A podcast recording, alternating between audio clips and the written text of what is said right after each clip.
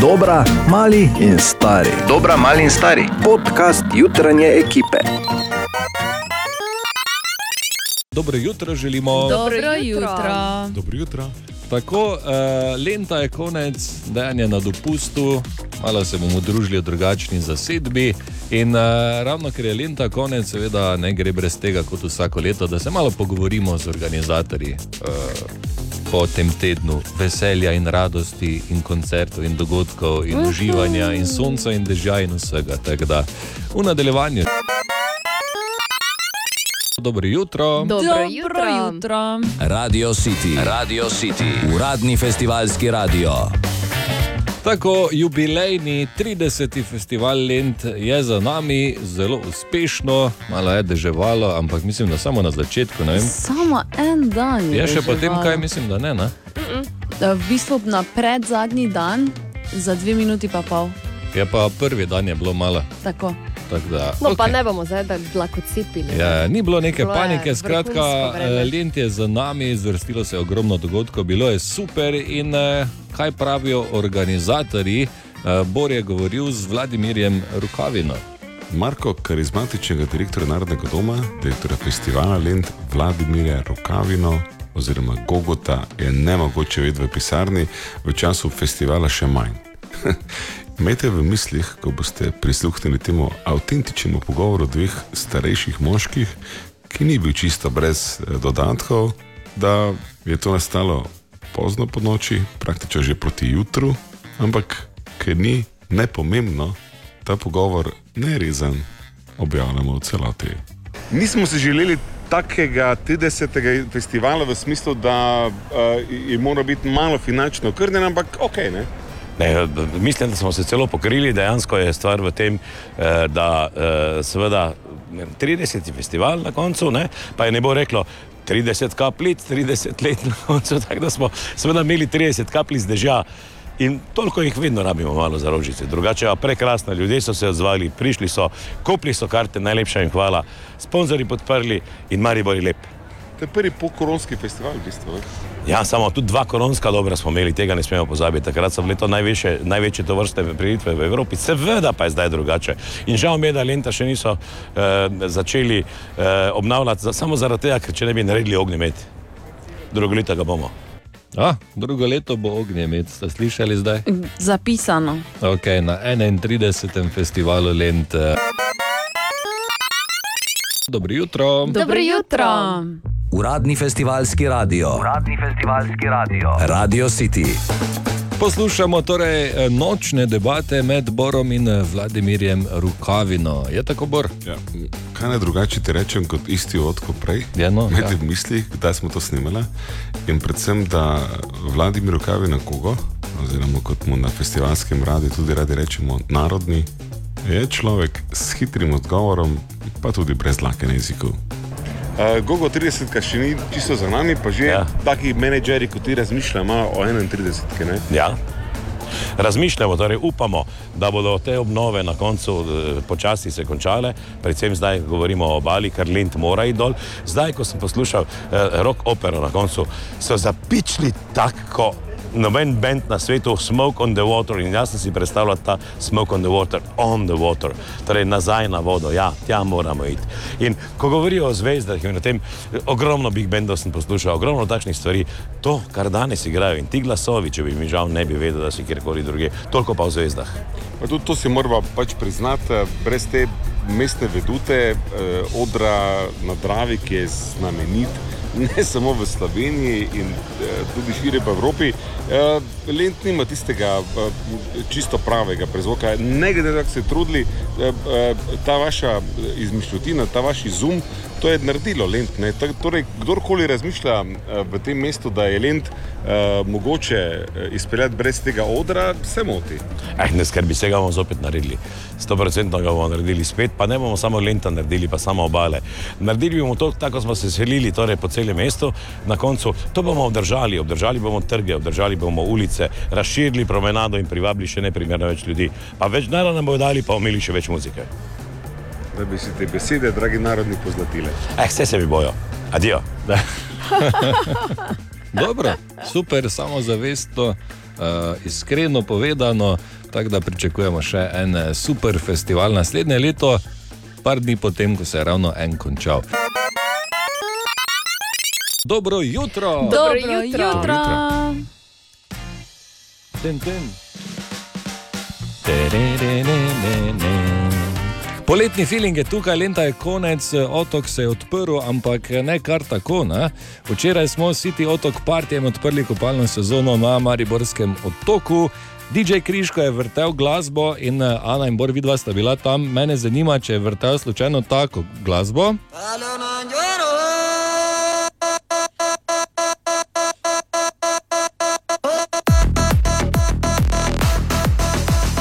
Ali ne?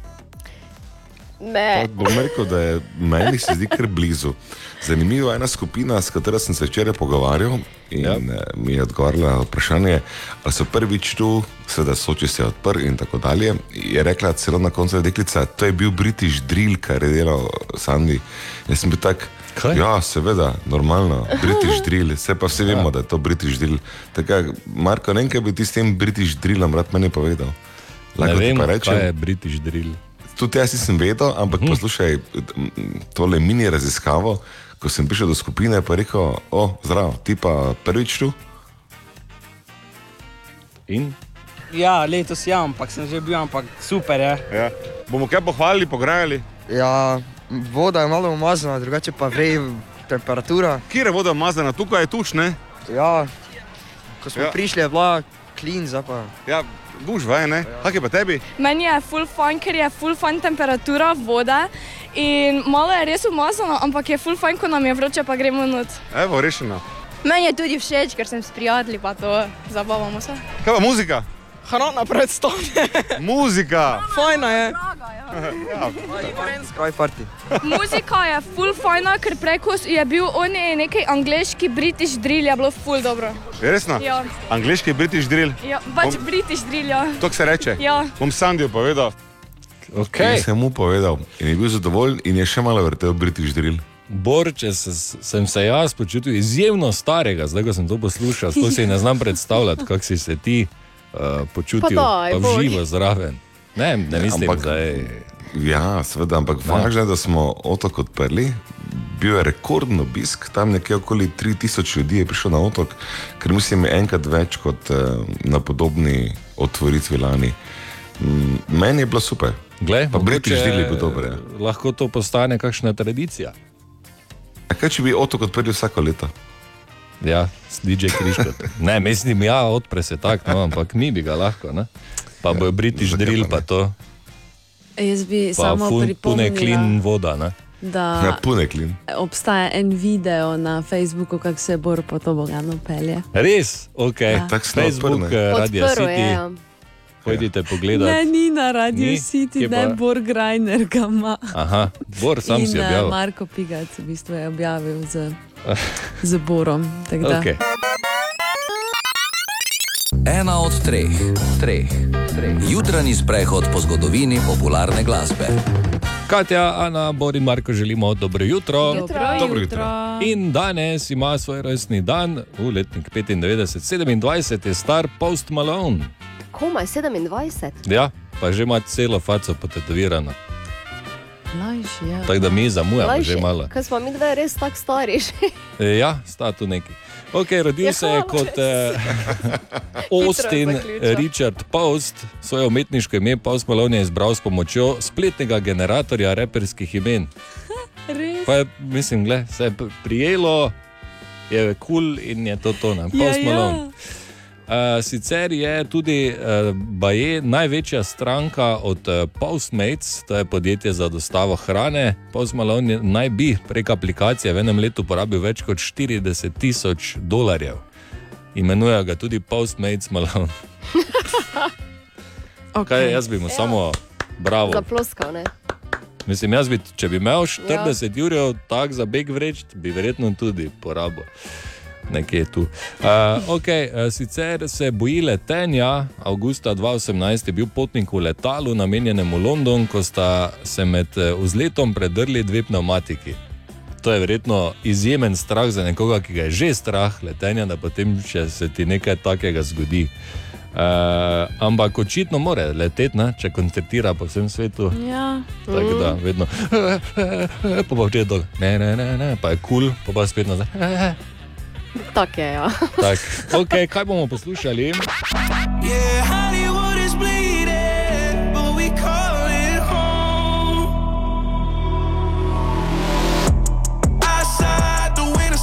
Hollywood's Bleeding ali pa Goodbyes. I'm no good at goodbyes. We're both acting insane, but too stubborn to change. Now I'm drinking again. 80 proof in my veins, and my fingertips stained. Looking over. Morda Sunflower.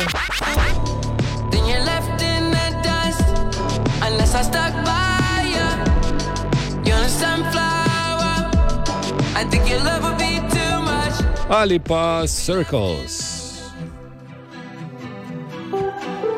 Dobrih pet minut je pred eh, sedmo, Katja, Ana, Bor in Marko želimo dobro jutro. Dobro jutro. Dobro jutro. Dobro jutro želimo. Dobro jutro. Dobro jutro. Poslušate uradni festivalski radio, Radio City. Ja, ja, lenta je konec, ampak to je bil jubilejni 30. festival za nami in eh, seveda moramo po koncu še malo poprašati eh, lentovske očake, kaj oni pravijo, recimo eh, Marjan Rajbenšil. Marjan, za nami je legendarni in jubilejni festival, v, skozi tvoje oči, uspeh, neuspeh. Ja, jaz mislim, da je bil zelo iz- uspešno izveden, eh, kvalitetni programi. Po mojem mnenju, eh, obisk je bil super, ljudje so se zabavali. Tako da mislim, da je bil kar uspešen. Ja. V veliki meri nas je malo poneslo to, da je korona za nami, ne, da smo se odprli, pa tudi to, da vseeno se pozna, da je okrogla obletnica. Ne. Ja, po mojem oboje. Ne? Ljudje so željni, eh, seveda, koncertov, predstav, eh, zabave, predvsem ne, nasmehov, ljubezni, Ja. koga še vse, vsega, ne, druženja, Vsega. starih prijateljev. Ne? Eh, Ti si uh, že dolgo leta zadolžen za gledališko vejo festivala. Če lahko temu tako rečem, uh, v teh 30 letih, katera predstava se ti je najbolj vtisnila v spomin, če je kakšna? Tu, bilo jih je dosti. Ne vem, mogoče ena takih, ki smo jih bolj na začetku delali, čas za spremembo, od Žurota. Vem, dosti, dosti je bilo kvalitetnih predstav, niso bile tudi samo komedije, bile so tudi kakšne predstave, mogoče malo bolj estetske, malo bolj drugačne.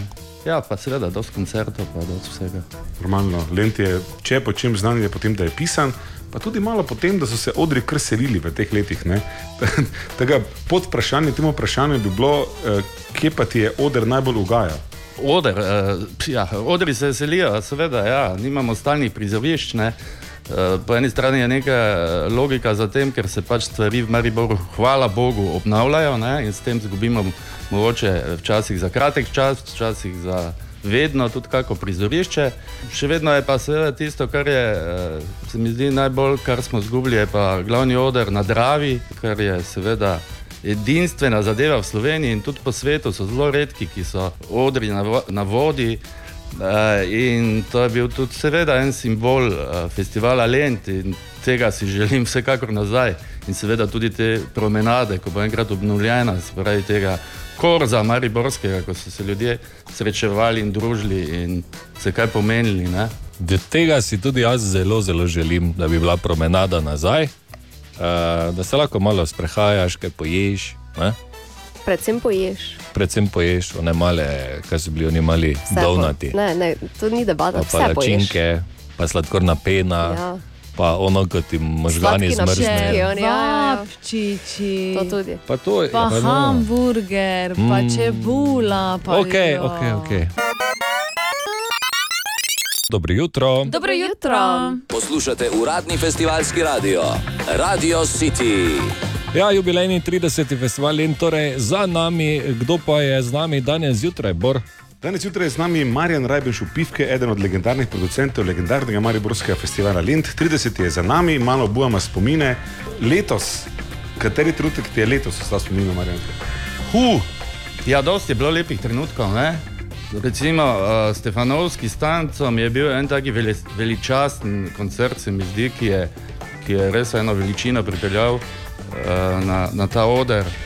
ne vem, rock opera, sigurno rockerski užitek, Jumbo Agoševi, zadnji dan restauracija, ne, ki ne bomo tako hitro pozabili.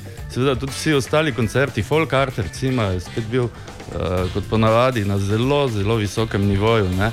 Ali tebe kot producenta mogoče zelo malo užali, v šali govorim dejstvo, da recimo, ko Filipinke okoli skačejo v malo listju, se vsi o tem menijo, pa je pa res kvalitetna predstava, pa ne, mogoče ima manj odmevnosti. Ne, to me ne užali. Jaz, jaz vedno mislim, da vsaka predstava, vsaka, vsak koncert ima svojo publiko. Ne?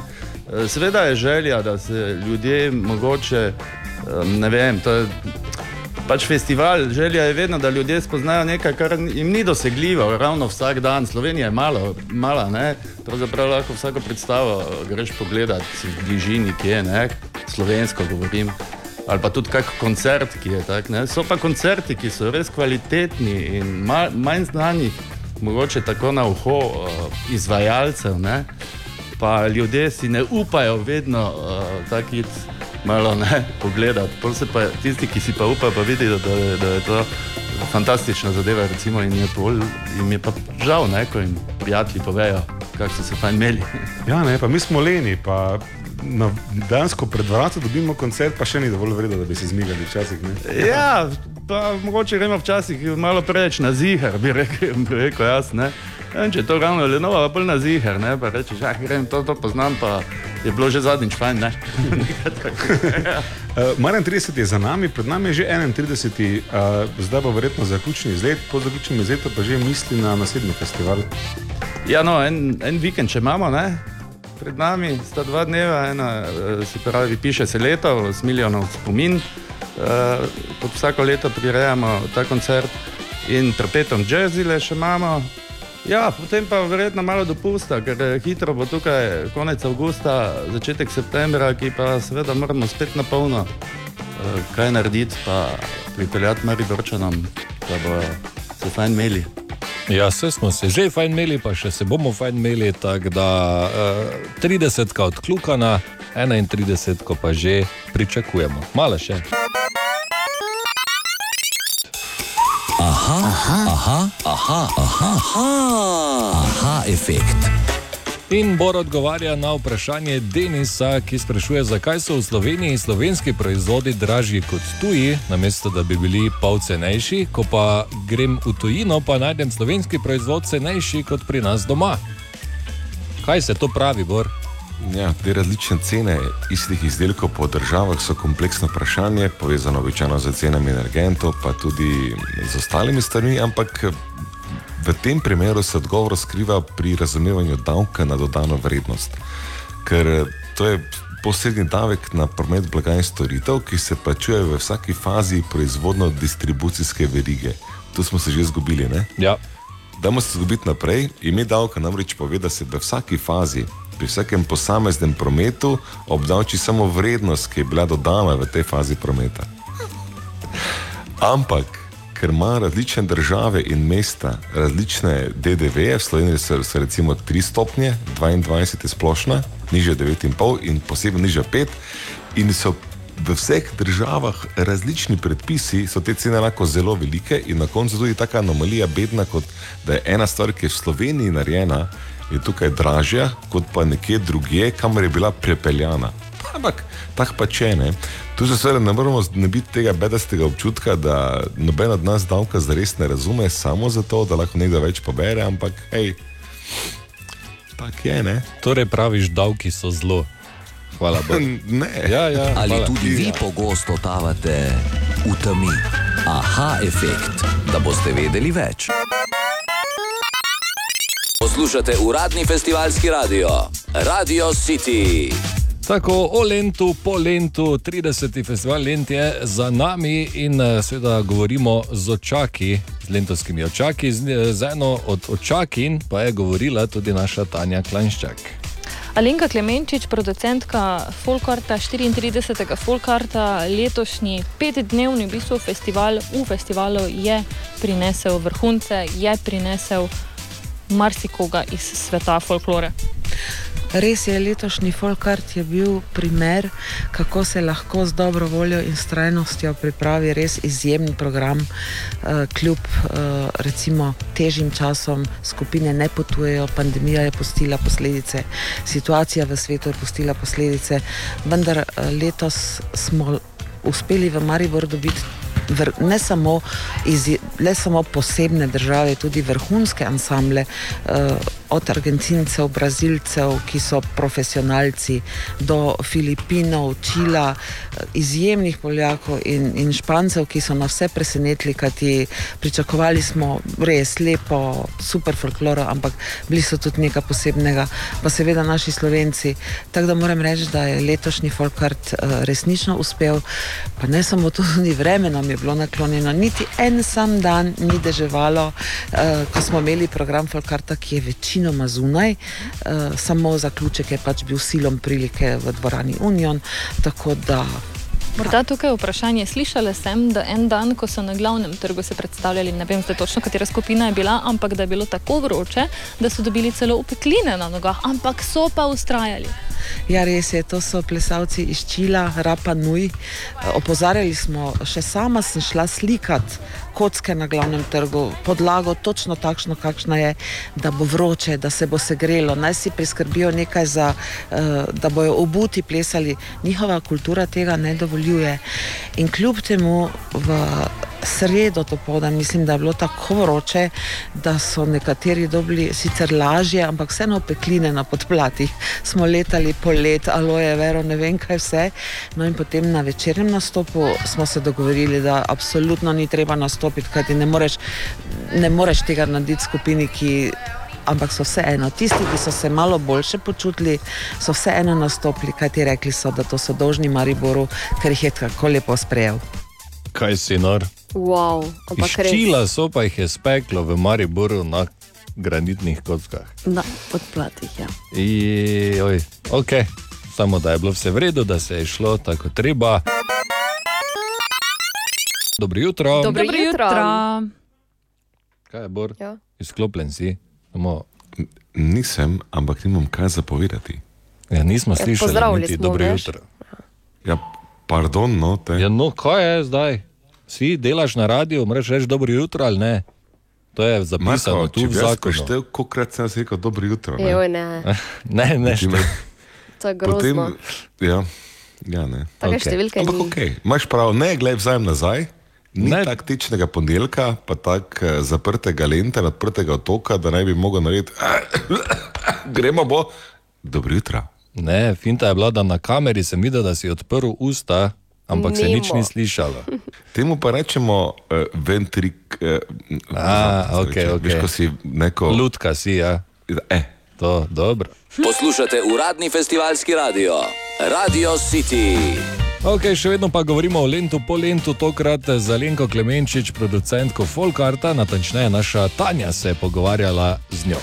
Niso pa bili samo po centru Maribora, tudi v Evroparku, v Miklaužu so menda bili. Ja, z občino Miklaš sodelujemo že vse leta.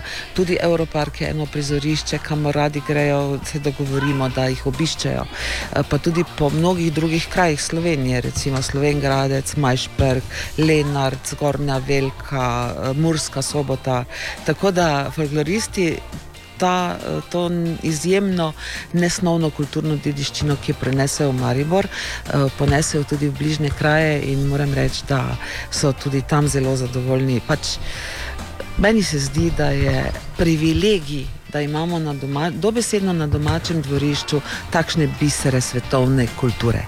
Morda še beseda o sami zaključni prireditvi. V soboto je bila v bistvu dvorana Union razprodana, kar tudi v bistvu je neko sporočilo za vas kot producentko, pa seveda za mesto Maribor, da ljudje tukaj imamo, imajo radi folklor.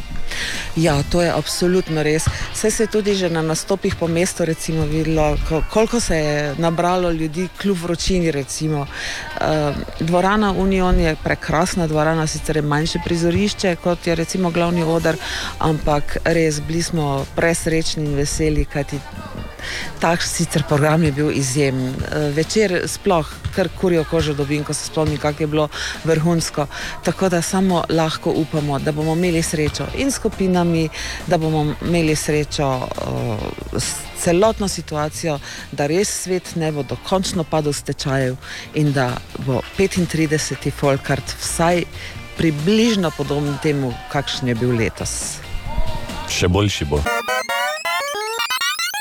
Radio City, Radio City, uradni festivalski radio. Kot se spodobi in je pravično po lentu, o lentu, ne, Bor? Res je, 30. je konec, govorili smo z vsemi, ki na Lendu kaj pomenijo v smislu organizacije. Mi jim ljubkovalno smo pač festivalski radio in se čutimo zelo blizu.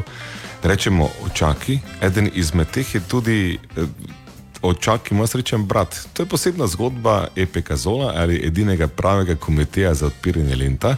O tem več naslednje leto, v četrtek, bomo zopet odpirali, ampak v kakšni zasedbi. Že prejšnje leto je brat Porto šel v penzijo, brat Boris, oziroma Boris Črnič, kot ga vi bolj uradno poznate, pa odhaja za letošnjim letom. Kljub temu je pred um, tem, mislim, šel še bo, zdaj vse dva projekta. Ampak morate razumeti, da je preveč emocij je tu v igri, da bi jaz lahko opravil pogovor z bratom Borisom, zato je to naredila Tanja. Ob zaključku 30. jubilejnega festivala Lent eh, zagotovo lahko govoriva tudi o nekaterih vrhuncih, ki smo jih v teh devetih dnevih lahko videli. Kateri bi to bili? Ja, bilo je kar eh, nekaj izredno, izredno kvalitetnih koncertov. Težko ocenjujem vrhunce, ampak po mojem okusu definitivno uh, nastop Vladka Stefanovskega in tanca, kompleten folkart, ki je bil zdaj po dolgem tem pokoronskem času, takšen, kot smo ga bili navajeni. In tu so res karnevalsko vzdušje prenesle skupine iz uh, Južne Amerike, uh, Čile, Argentina, uh, Brazilija, Španci, Poljaki. Filipinci in res je bil takšen folkart, na katerega smo lahko ponosni. Program Jazz Lenta tudi žal z, z, eno, z eno edino odpovedjo na festivalu, ki je bila eh, Jaga Jazzis zaradi stavke, pač niso morali z Osla prileteti v Maribor. Kompleten eh, program Art Campa, tako z delavnicami kot z vsemi prireditvami, je tudi izredno dobro uspel tudi vsi, da ne bi koga pozabil, tudi vsi odri, eh, ostali so bili izredno dobro obiskani, izredno dober obisk in organizatori smo z 30. festivalom pač zadovoljni, narejen je bil pač v taki obliki, kot so nam bile dane možnosti. V zelo dobri obliki, prvič po koroni, da je bilo normalno. Uh -huh. Je tako, bor, je ga, aha, bor maknedl, tako da en komat pa nadaljujemo. Uradni festivalski radio. Uradni festivalski radio. Radio City. Bor, kak je tvoj knedl v grlu? Veliki, ker zdaj čujemo zadnjič uradni festivalski radio do prihodnega leta. Še hujše je pa to, da je tudi zadnji intervju z Borisom Črničem v njegovi PR vlogi, vlogi vrhunskega PR-ovca. Naj ob tem še enkrat povem, da pa kot brat in ustanovni član EPK Zola pa ne bo upokojen, šanse ni. Vseeno, za ziger, da se jaz ne bi joko med intervjujem, ga je včeraj zaslišala Tanja in sta govorila vsem tudi o promenadi. Govora je o tem, da promenade ni, da je pač festival razpršen na več delov mesta, je pa mogoče na nek način mesto tudi zadihalo. Vseeno s festivalom, če so bila prizorišča malo razpršena. Tu se ne bi strinjal najbolj z vami, kajti eh, mesto smo živeli daleč, daleč pred tem. Eh, šlo je prvič, z, ko smo začeli z uličnim gledališčem, nadaljevali smo z, z oživljanjem. Z, živa dvorišča, prej mogoče nekaj časa tudi živo mesto, ker smo odkrivali uh, neodkrita dvorišča po celem mestu, nadaljevali z muziko po cesti, tako da je bil mesto kar izredno, izredno dobro zapolnjeno, skoraj čez vse dan. In mislim, da bi promenada, čeprav dvomimo, da bo tudi še naslednjo leto, kajti govori se, da bo obnova trajala dalje, kot so jo planirali. Uh, ne vem, moje osebno mnenje je, da festival Lend že po samem imenu uh, spada na Lend, uh, da spada na Lend uh, plavajoči veliki oder.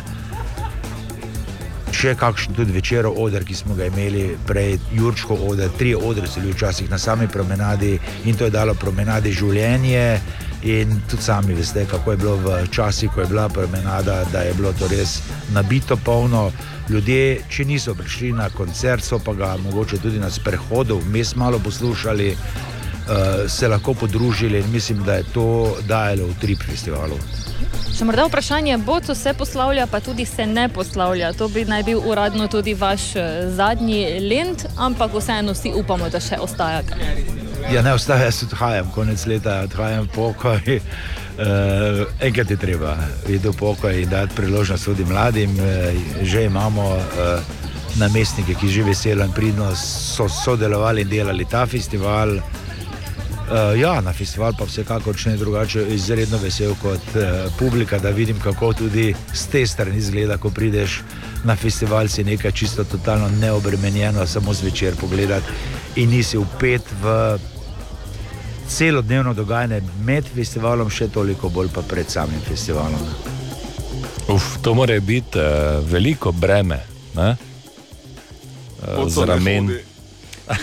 Kaj bor, boš lahko še povedal kakšne sklepne besede za svojega brata ali je to to? Vedno bo prostor zate v mojem srcu, boco in etro tudi. Dobro jutro želimo. Dobro, Dobro jutro. jutro. In kako bolje začeti jutro, kot pa z eno veliko šalco zarote.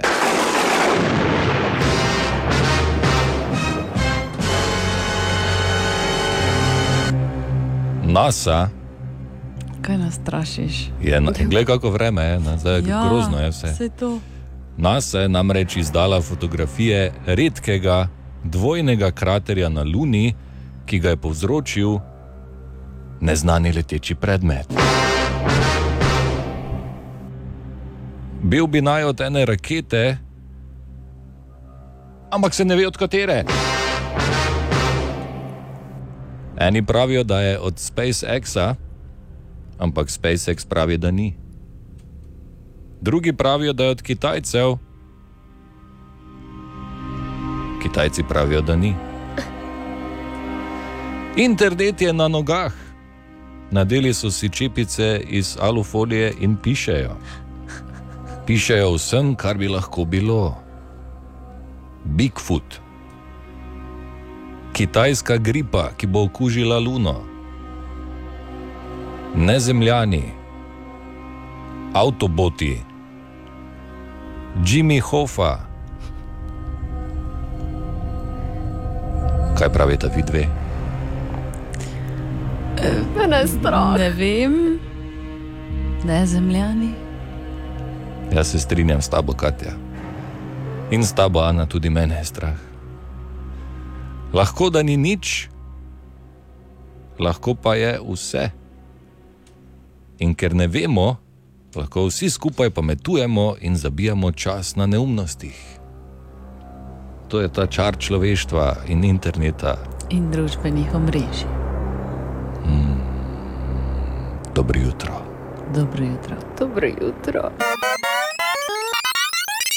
Web, web, web, web check. Katja, izvoli. Neverjetno super novica za vse, ki uživate ob gledanju resničnostnih eh, serij oziroma ja. šovov. Jutri, oziroma od jutri naprej na Pop TV-ju, namreč nova sezona ljubezni na vasi. A, Torej, um, ko iščejo ljubezen Na vasi, na vasi naši Mm. sosedje. Wow, kdo bi si mislil Hrvati. po naslovu sodeč? te, Ja, ampak ni slovenska, ne? to je poanta. Aha. dobro. te eh, domače, oziroma eh, sem, mislim, da sem gledal dve. Hrvaški ali slovenski? Slovenski pač tu, ko je na našem koncu, Ja. ne, ko ni ameriška produkcija ali pa kaj takega in je Ja. tako. Eh, Eh, eh. ja, menjujejo se. Ne? Ne, Mislim, v bistvu vedno so isti, to hočem povedati. No. Pa ne toliko to. Uh, problem je v teh, kdo, ne vem, ali so producenti ali scenaristi ali kako se to dela, zato ker pišejo take prav neverjetne stvari, ko se ljudje tako ne pogovarjajo v resničnem življenju. Ja. Veš, Ja. ja. da, ko jaz pridem zdaj tu, pa bi se nekaj naslanjal po steni, veš, pa bi te, zdravo, uh, Katja, kaj pa, kaj pa delaš? Ne? Jaz se vidim, ja. da si na računalniku. Veš, ono. To nekdo tako, ja. napiše in potem ti ljudje, ki ne znajo igrati, kot da bi jaz zdaj prišel tja, ki ne znam igrati in bi moral pač po nekem scenariju ne. govoriti stvari, ki jih v življenju ne bi izgovoril. Razumem, Okay. razumem. Izvoli Si naprej. dal, si, si dal duška. Ja. Ja. Okay, naprej. Adele je imela po petih letih končno spet eh, svoj koncert, na katerega pa sta prišla, pazi skupaj, skupaj sta prišla tja njen bivši mož in Mhm. pa njen trenutni ljubimec. Uf. Zanimivo. Vse je lepo, da se razumejo. Samo lahko skupaj, nimata vsak svojega avta ali šparta na Ja, ne benzinu. skupaj sta šla Pač na koncert, ne kot skupaj, prijatelji. Pač zmenila sta se, čuj, gremo skupaj na koncert. Ja, on mu je napisal SMS, ali gremo na Adel. To Potem pa en narobe razumel, verjetno pa je vseeno prišel. Ja, ja, ja, tako. Okay. To idi dalje. Uh, biti poštar v Veliki Britaniji v bistvu ni tako lahko. Britanski poštarji so namreč lani doživeli kar 1673 napadov psov, oziroma Ojej. 32 leteh na teden. Biti poštar nasploh uh, ni fajn, mislim, ni jim lahko, kako naj rečem, vse te. In eh, dobro jutro vsem poštarjem, ne? Ja, dobro jutro. Dobro Ja, jutro, dobro, sem sem pošten, poštarjem. razen en, on je v Ameriki, ko je naredil, pa je 60 otrok. Ta je Ja, ja, drugačno točno, ja, življenje. tisti je, ja. Dobro, to je drugo.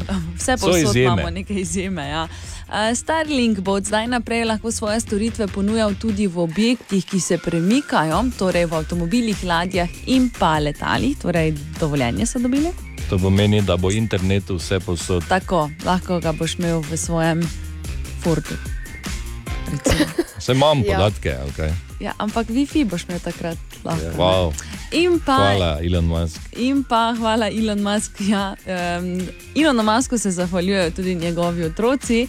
Uh, ta vikend jih je namreč peljal na obisk k papežu. Res. Ja. Zopet kak kiri, ne? ker ena je spremenila ime in spol. In v bistvu se izbrisala iz njegovega življenja, ona ni bila zraven. Aha. No, vidiš. Ja. O, vidiš, jaz nič ne poznam teh tračev. Tako da, hvala, Katja. Še imaš kaj na lageru? ja, pa dobro, zaenkrat ne. Okay. Spet. Dobro jutro. Dobro jutro. jutro. Webcheck. Ena od treh, treh, treh. Jutranji sprehod po zgodovini popularne glasbe. Tako danes praznuje Huey Lewis, član skupine, katere skupine? The Huey Lewis News. and the News. Tako, okay. Huey Lewis and the News, samo tako mi je zanimivo, vsi ti, ko si dajo svoje ime, pa potem nekaj zraven. Tako se mi zdi, kot da drugi potem niso pomembni nikoli v bendu. Ali so recimo, ne vem, da je samo en, ne, recimo, ne vem, na pamet bo rekel Beyoncé, pa pač ima tam zadnji nekoga v temi notko špila, ne? Mhm. ali ga pa pač imaš dejansko, ne? ja, Ja. ne? Tu, pa, tu pa jih omeni, ampak so vseeno tiste od mene. ne, Tako da, tako je bil Borin prijatelji. ne, veš, pa bi Tako, pač- pa bi Meni recimo še bolj zmaga vem, Medvarjem, ne? Herman in partnerji. Pa vprašaš, kdo je Herman, pa noben ne ve v podjetju. Okay. Skratka, član skupine Huey Lewis and the News prodali so skupaj več kot 30 milijonov albumov, kar ni pes, kot bi se reklo.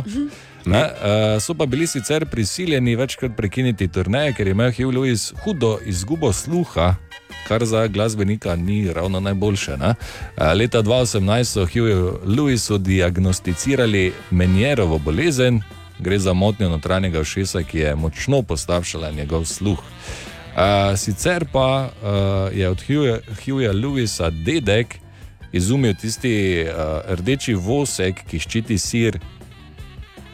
Res. Ja. Zanimivo. ne? Kako se mi je zdaj? sir Dedek je bil sirar. Srečka za sir, ne? Srečka za sir, ja. Dedek je bil v siru, vnuk pa v muziki. In eh, prav je tako, kaj bomo poslušali danes.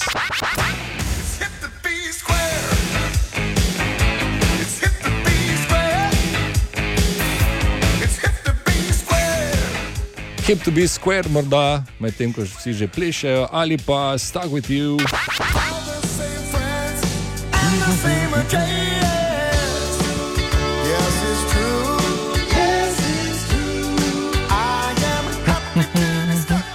Ali pa I want a new drug.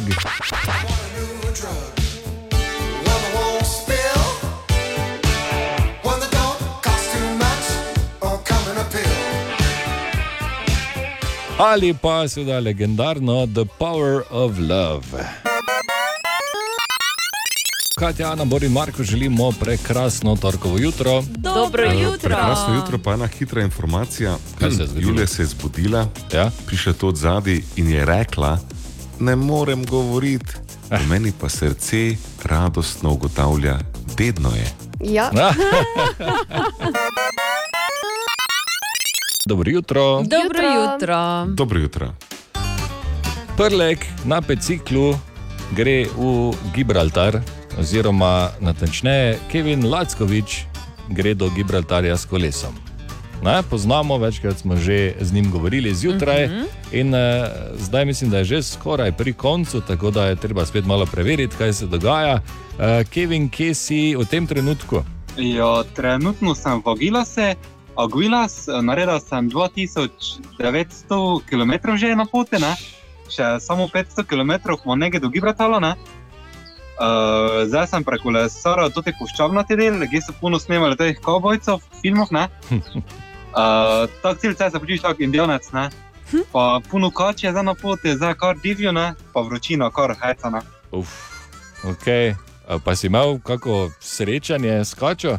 Sreča sem kar kač, ja, te pa en cajt kmačem kam na malo, mjavkan, lojan, če že vidim, če je živa, te pa samo hitro pelam mimo viline. Okay. si ga predstavljam tam prleka v nekje neki Aguilas ali ki tam.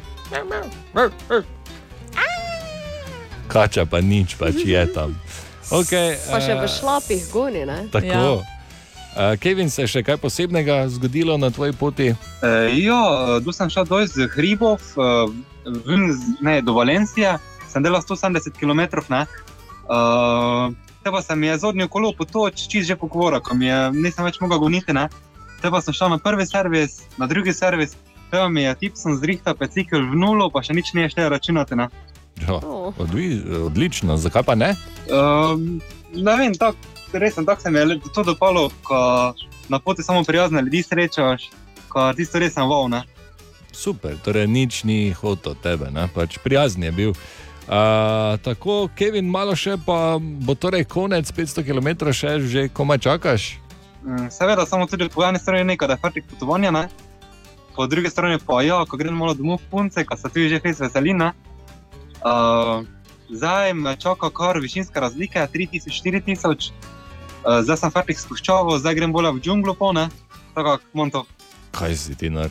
Izpuščave v džunglo. Kako to pa- lahkotno razlagam? Ja, ja, Zdaj, tako da to res, nič ni. Tako da gre malo potezno z Ja, kolesom. veš. samo 500 km. Uh, samo Ja, na potezno je verjetno bolj 4000 nevarno, kot pa se mi. Tudi res, ja. Okay, uh, Kevin, hvala ti, da si se javil, da imaš čas sploh in voljo za to. Uh, pazi se, seveda, do konca in uživaj. Dobro, zmeno, ej, hvala lepa. Uh, Anako, adijo. Adijo. Adijo, Kevin. Uh, bomo spremljali zgodbo, seveda, do konca, uh, pa se slišimo tudi potem, ko bo varno doma. Dobro jutro. Dobro jutro. jutro. Torek je, kar pomeni, da je tukaj tudi Jaša Lorenčič. Dobro jutro, zdravo. Zdravo. O. Prišlo je poletje, uh Mhm. -huh. zdaj pa res. Ko se konča festival Lend, no, sicer ne še čisto, v četrtek pa petek bosta vseeno še dva šusa, ampak ja, zdaj, ko Juli enkrat zalaufa, se začne tisti del lenta, ki mu že odnegdaj in še najstarejši prebivalci pravijo: mrtvi Maribor. Ok, mogoče in kak za koga. Ker mesto je po svoje res mesto ravno v takih situacijah. Se vemo, ni mesto mesto, če nimaš poleti ob pol dveh zjutraj kam za jesti. Pa čeprav, ne vem, če veste, jemo tako se vozimo. Obstaja pica, tako taksi za dnevno in nočno tarifo. Potem pa vzameš to nočno tarifno pico, sediš, začneš jesti in zraven na klopci slišiš dva tipa na premljeni koroški. Čuješ, ne samo, da je zdaj vse dražje. Kaj si ti videl, da je milkica zdaj na mestu 100 gramov, samo še 80 gramov? Ja, v tako imenovanem mrtvem Mariboru, zdaj, recimo včeraj, ko je bil tisti najbolj kruti poslentovski ponedeljek, slišiš marsikaj. Sediš, tuhtaš, bereš. Pa slišiš, kako deklina vleti in reče osebju: Čuj, kaj uh, ima mogoče kdo kakšen ogen? Pa je tip, zdolgočasen, vroč, brez dela, vse ni gužve, ampak vseeno pogleda in reče: Uh, po mojem je boljše, če ti nehaš kaditi.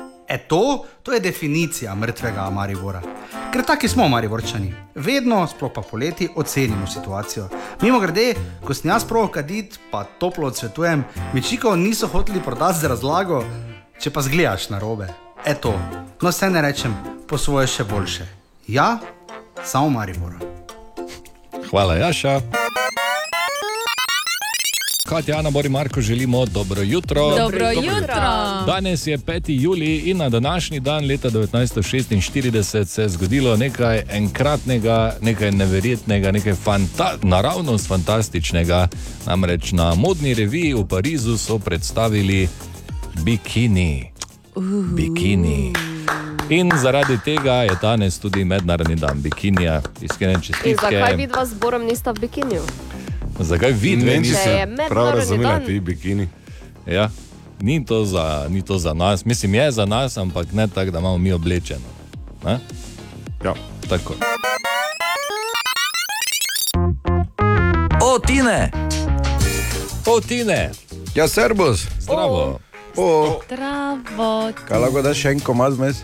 Zakaj? Ker lahko da še ni pojedla, pa je nervozna. Ja, Zakaj moram jaz zdaj iti veter, če imam pum, pum, pum, pum. Zdaj ne rabiš, glej, lahko ješ v miru. Ne ste sem pojedla do zdaj. Dobro. Ja, dam še en komat, ker vi nas Ne. se vsem zatika. Ne, vredi je. Dobro. Kaj se mi je zaletelo? Kak je? Vredi. Vre? Končno deš. Ja, samo res. Veš, kakšne so moje hortenzije bile? Ko 83-letna oma, veš. Je kaj jih nisi zalival? Ne. Bravo. Če ne smemo zalivati.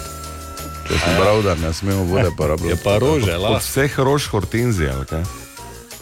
Ja, to je edino, kaj imam, Ne kaj mi, bi ne zdaj. mi z izgovori, da ne smeš rož zalivati, ker ne smeš, ro, ker ne smeš vode uporabljati. Ne, mi, ne pusti mi, da mi rože trpijo. Prosim. so, bom prišla jaz zaliti. lahko se mi zdi, veš, to je. Ne. če pa so dobre, zdaj, veš, kako so danes zjutraj? Ja, verjamem. Ja. Kot 29-letnica. Ja. kaj se ti vršiti? Veš, kaj je fora pre hortenzije? Edina dobra hortenzija je. je ona, ko jo vrežeš, pa obesiš, da se ti posuši. ne. Ne. Kaj? Kdo je zdaj tu hujši? Jaz, ko Ja, tri dni nisem zalival, lovi, ko bi kuj rezal, pa Ne bom posušil. sploh vse. komentirala, s kakimi ljudmi delam jaz. Uh, ti Te pa se obesi, graj, ne grobki do dva obesi, metra se pa se posuši. Ja, no. Koliko še gre?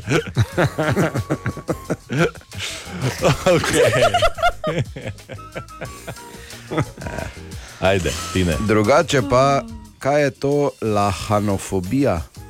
Lahanofobija. Hmm. Hmm.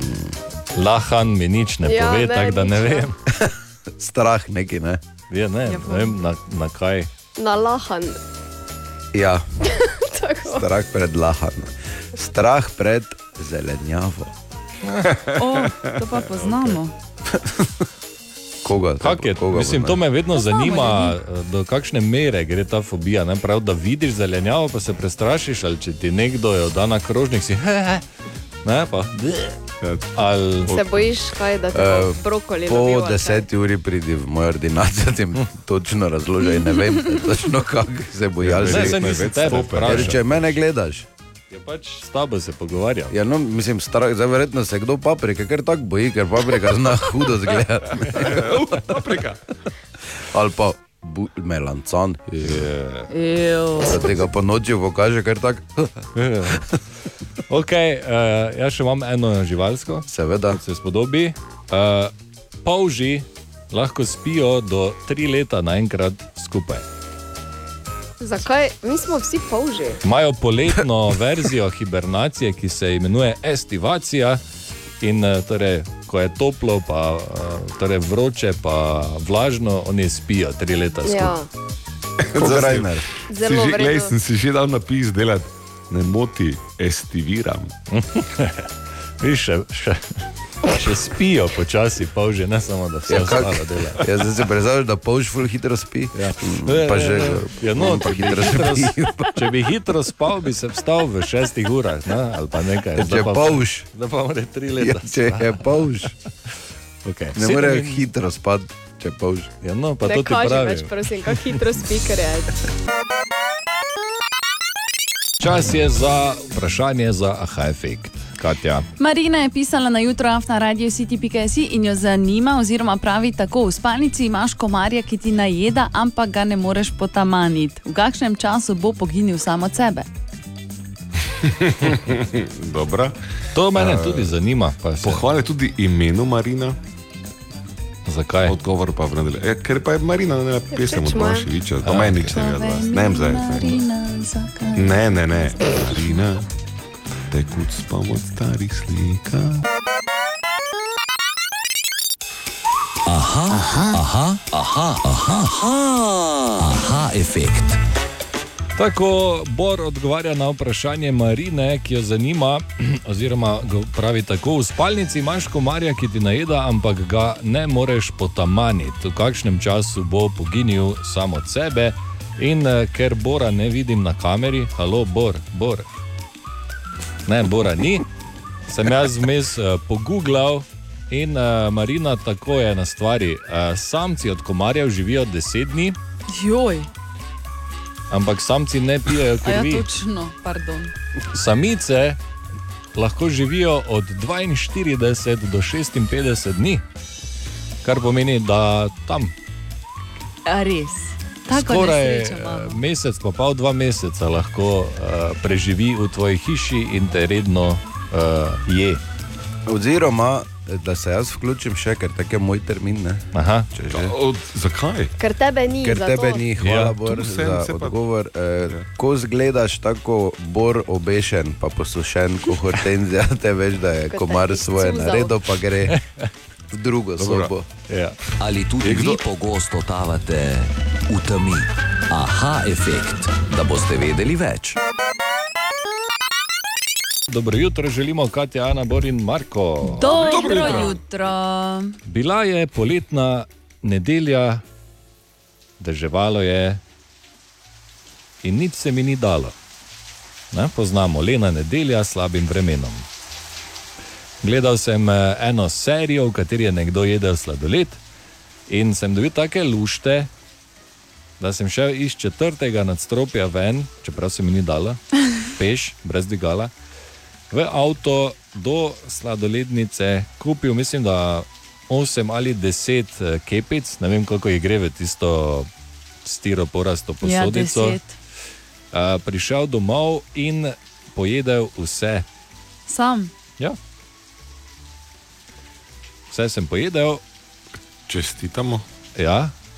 Je, no, to sem Oziroma, tako ja, rekel, z, be- čestitke. z besedami mlajšega člana moje družine, trebuščak te bo bolel. Eh, Se me je, ja, ampak je bilo vredno, bi rekel. Uh, vse lepo in prav, kaj pa, če se ti sladoled zalušta zvečer ob pol dvanajstih? Kaj pa potem, Katja? Kaj lahko naredim, kak si naredim doma sladoled, povej mi zdaj takoj. Čisto preprosto in enostavno, samo štiri stvari potrebuješ. Okej. In sicer smetano za stepanje, Nimam, ki je pa te pa In smo kupi. končali. Pa pol pa idi sosedo pozvoniti, nekdo Dobro. ziherma. Um, Sosedi, prosim, hvala. sosedi, pardon. Potem navadni sladkor uh. -huh. uh, in pa vaniljev ekstra, ekst, ekstrakt, Okay. pa ščipec soli. Okay. Vse to skupaj vržeš v eno posodico, ki jo lahko zapreš, uh -huh. in Mhm. potem ene pet minut mešaš. No, okay. mešaš, mešaš, mešaš, mešaš, da se vse skupaj podvoji, in ko je količina le tega podvojena, daš v zamrzovalnik, sicer boš potem moral počakati ene tri ure. Okay, bom Ampak vsega treh lahko na urah- zalogo narediš. Ne? Ja, po treh urah greš in imaš sladoled. doma. Prekrasno. V redu, moram najprej nov zamrzovalnik kupiti, da bo plac. Pa pa, smetano. pa smetano, pa vaniljev ekstrakt. Okej, ne, grem niti jaz reči, pomoči. gre posladali. Odpiramo vrata v Borovo špajzo. In v špajzi dežuje. Halo? Ja, da pete noter hitro, vidite, da imam velika stara vrata, ko se težko zapirajo, očitno pa. Pa not ti dežuje teče, če vidiš not, spodaj. not, not. Ja. Vse imaš mokro. Vi, pardon, stopi tu preko, pa si obriši noge. Torej, ta dež je dobra istočnica za dogodek, ki se mi je zadnjič zgodil. Pazi ta moder začetek, dogodek se mi je zgodil. Uh -huh. e, stojimo jaz pa nekaj prijateljev in jaz izvalim, v vsako življenje nekaj dežja mora pasti. To pravi moder in star pregovor, ki sem ga zadnjič potegnil v tej debati s kolegi. Med njimi tudi en kolega, ki ima viška testosterona, kar se mu še najbolj pozna na to, da nima dosti las. In je rekel ta kolega v tej debati, dobro, razumem, da pada, ampak zakaj ravno meni počelinki? Ni hotel povedati s tem, da nima dežnika. Debata je bila absolutno metaforična in je hotel stvar s tem povedati, da zakaj ravno tam, ko ga najbolj boli. In v tej metaforični državni debati sem jaz preprosto samo rekel, veš zakaj? In mi sem spustil tukaj, da ne bo zamere. Veš zakaj ti pada počelinki? Ker si plešast. Kak si, jo, bo. Kakšne modrosti, hvala. Ja, res. Hvala To Bogu. je ena tistih, ne, kjer Marko uh, potem meni reče: Poslušaj, vem, da je pametno zvenelo, ampak kaj si hotel povedati? In jaz rečem Marko tu, vse sem hotel povedati. Dobro jutro želimo. Dobro jutro. Tako danes se z rokometnimi tekmami in eh, zaključno ceremonijo končujejo sredozemske igre 2022 v Uranu v Alžiriji. Na njih je tekmoval tudi eh, naš jadralec Mariborčan eh, Žan-Luka Zelko, ki se med samimi igrami sicer ni mogel javiti, zdaj pa smo ga uspeli dobiti pred mikrofon. Žan je osvojil končno peto mesto v disciplini laser. Žan, občutki? To so moje druge igre, na katerih sem zastopal Slovenijo. Uh, definitivno sem zelo izboljšal svoj rezultat iz leta 2018. Uh, res pa vseeno to peto mesto, imam malo grenkega preizkusa, saj sem se do zadnjega plova vedno boril za kolajno, na koncu ostal praznih rok.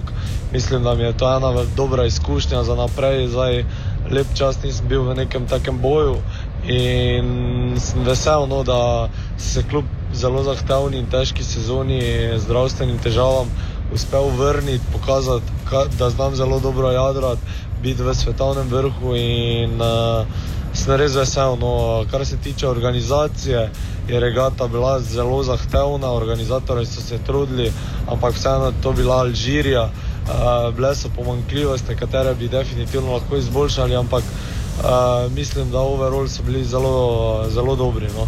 Ja, absolutno, Eh, Žan, eh, hvala za te informacije. Torej, po vsem tem, kar smo slišali, in uh, um, v bistvu, kako si imel neke težave, mes pa to je peto mesto, odlično. Se In, eh, strinjate? Čestitamo, seveda. Bravo, Ja. seveda. Tako, čestitke, Žan-Luka Zelko, eh, seveda pa ne smemo pozabiti na vse naše, ki so bili tam na sredozemskih igrah. Dobili smo namreč 23 medalj. Uho, uh, wow. Ja.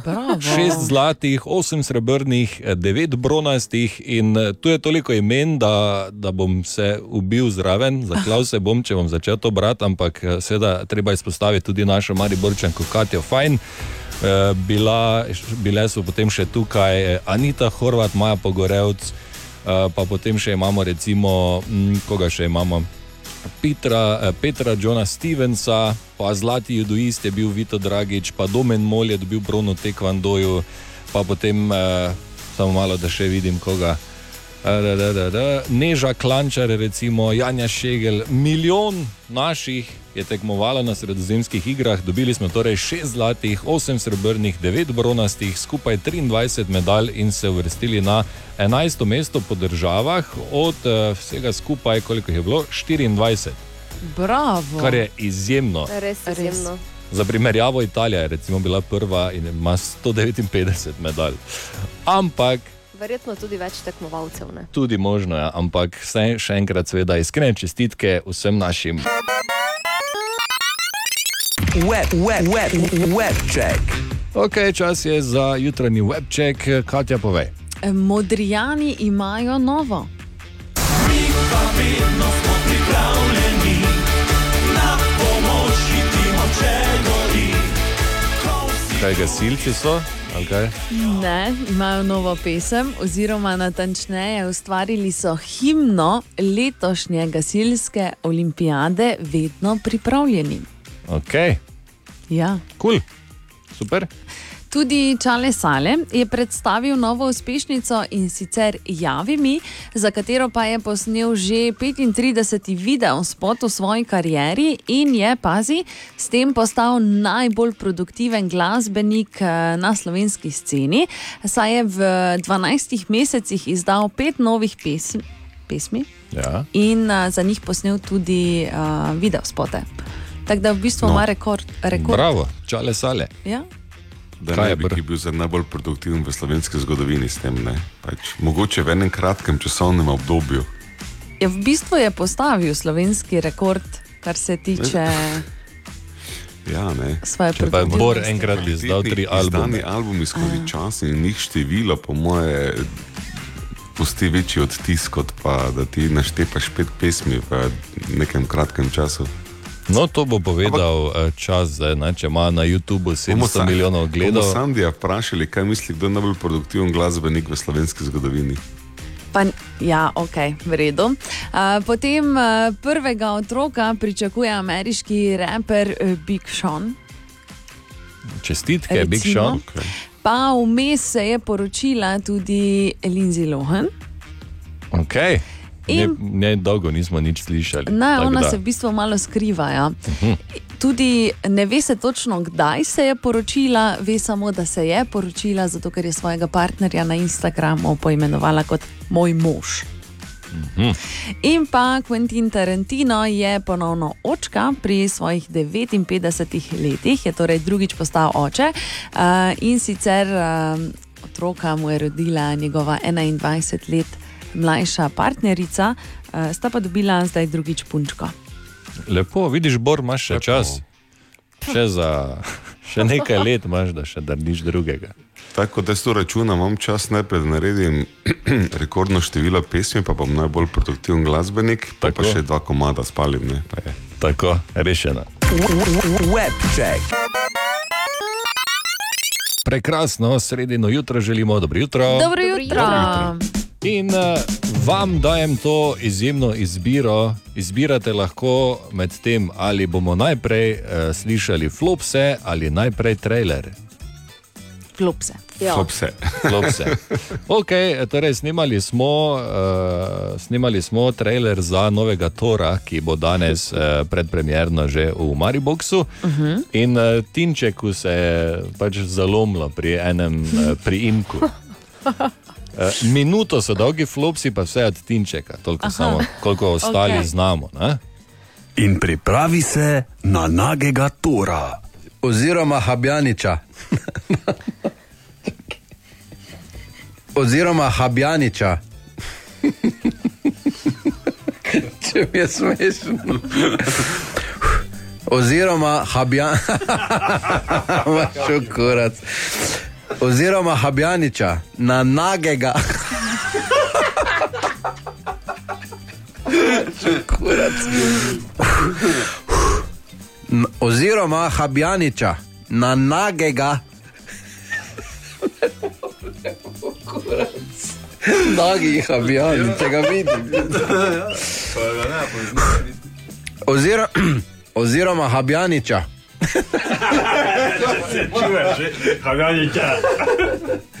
Oziroma,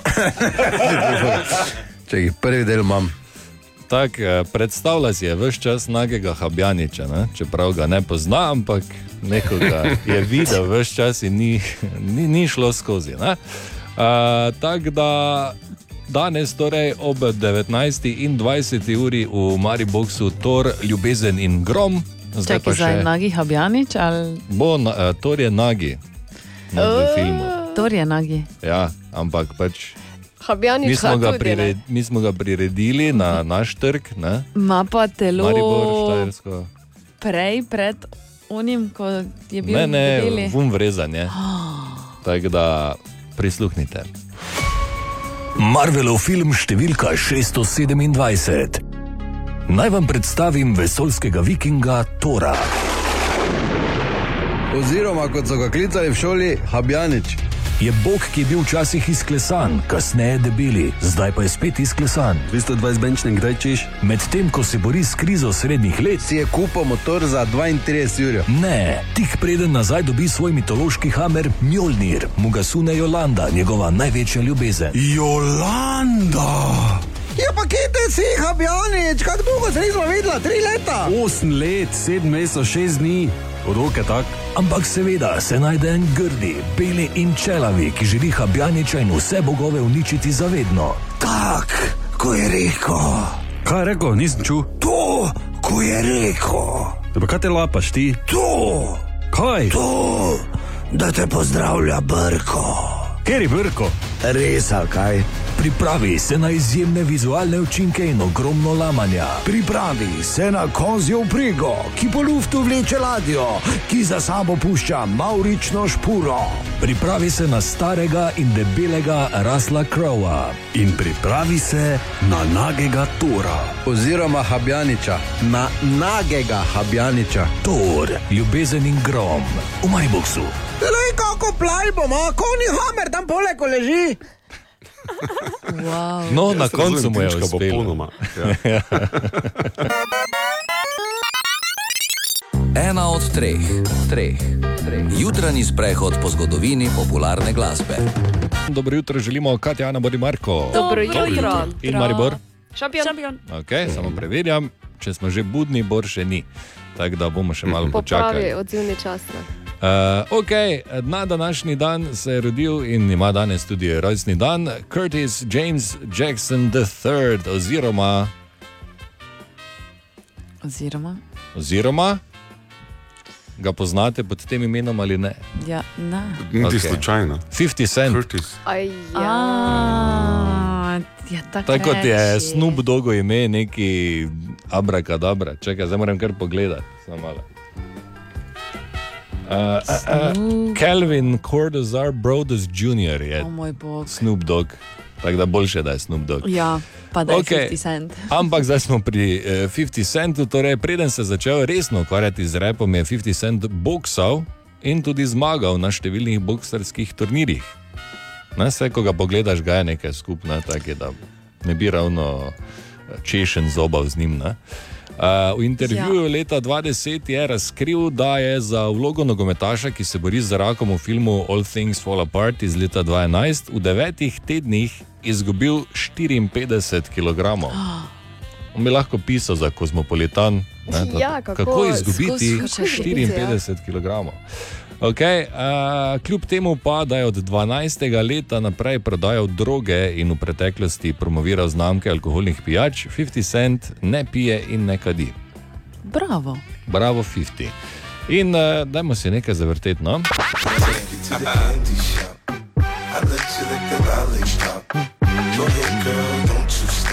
Ali bomo poslušali Candy Shop ali pa Out of Control.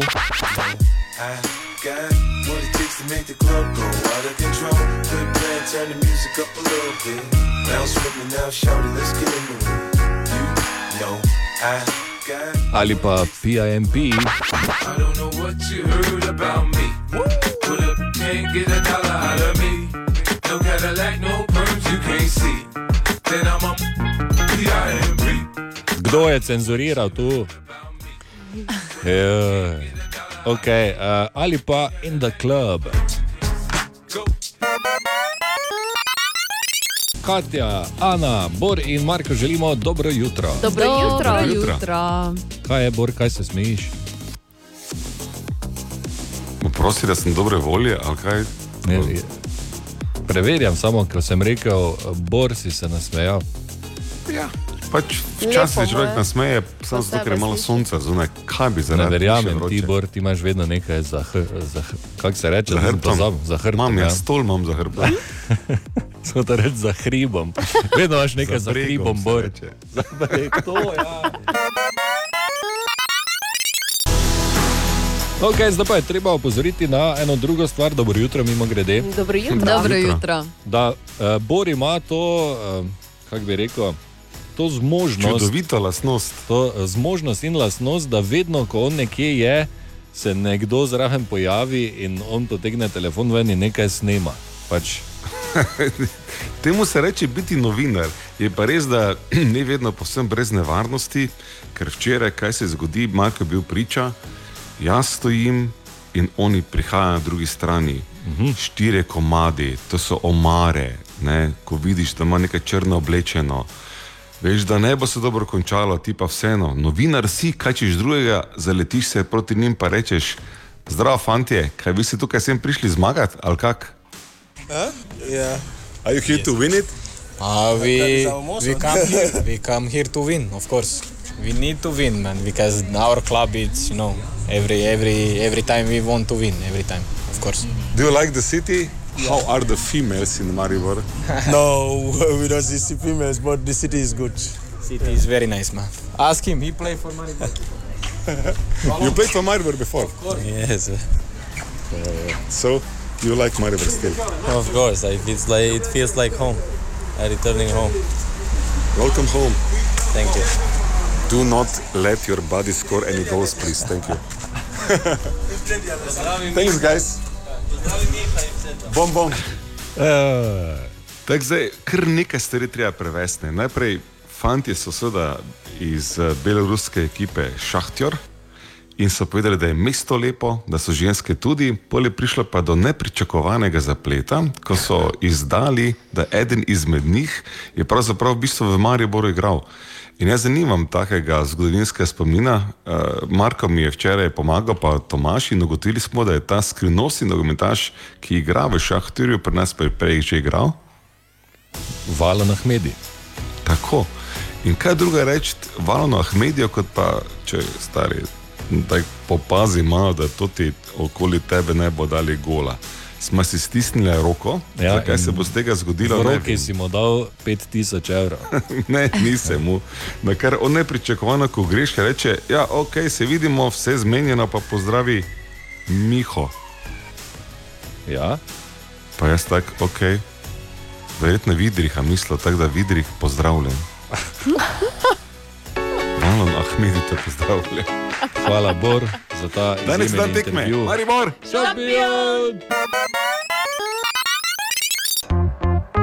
O, Tine! O, Tine! La, la, la, vklopi me, hvala. Sem, ti. kaj ti? Ja, no, ja. Dobro jutro. Zdravo, Dobro jutro. Dobro jutro. Ja? Ja. Ja, to je tvoj termin, ti govoriš. Ja, zdaj vklopim si rečeš, dobro jutro, zdaj pa govorim. jasno. Pa kaj si ti, Ne, normalno. Običajno je v terminu otine ne, se malo poklonimo časti Nekaj. slavi tega velikega monumentalnega dela Radia City. Okej. Marko, ti pa Bom, samo eh, tako, to je. bom Tu termin, rekel- veš, kaj rekel, kaj? Hvala ti, ne, da vedno odpišeš na SMS. No, evo, viš.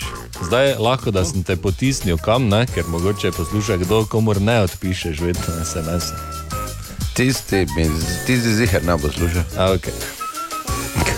In to v uh, zelo hitrem času. Ne? Včeraj sem zvečer eh, rabil nekaj povezanega s službo, ob pol devetih, pa takoj, ja, ja, to, to, ok. Pa še Ja. eno vprašanje čez pol ure, ja, ja, to je to. To je to. Ja, da, hvala ti. Ja, prosim, Hvala ni ti, za ne. kaj. Recimo, Bor to ne ve, kaj to pomeni. Ne? Ne. ne. Bor ne ve, ki ima telefon, ponavadi.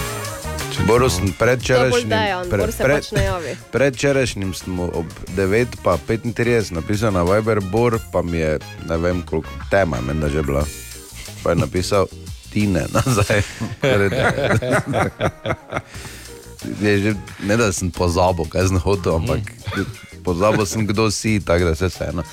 E, nekaj druga, zdaj, e, tu sem, ne vem kak, ne me zdaj vprašati, nisem zdaj googlal tega, ne?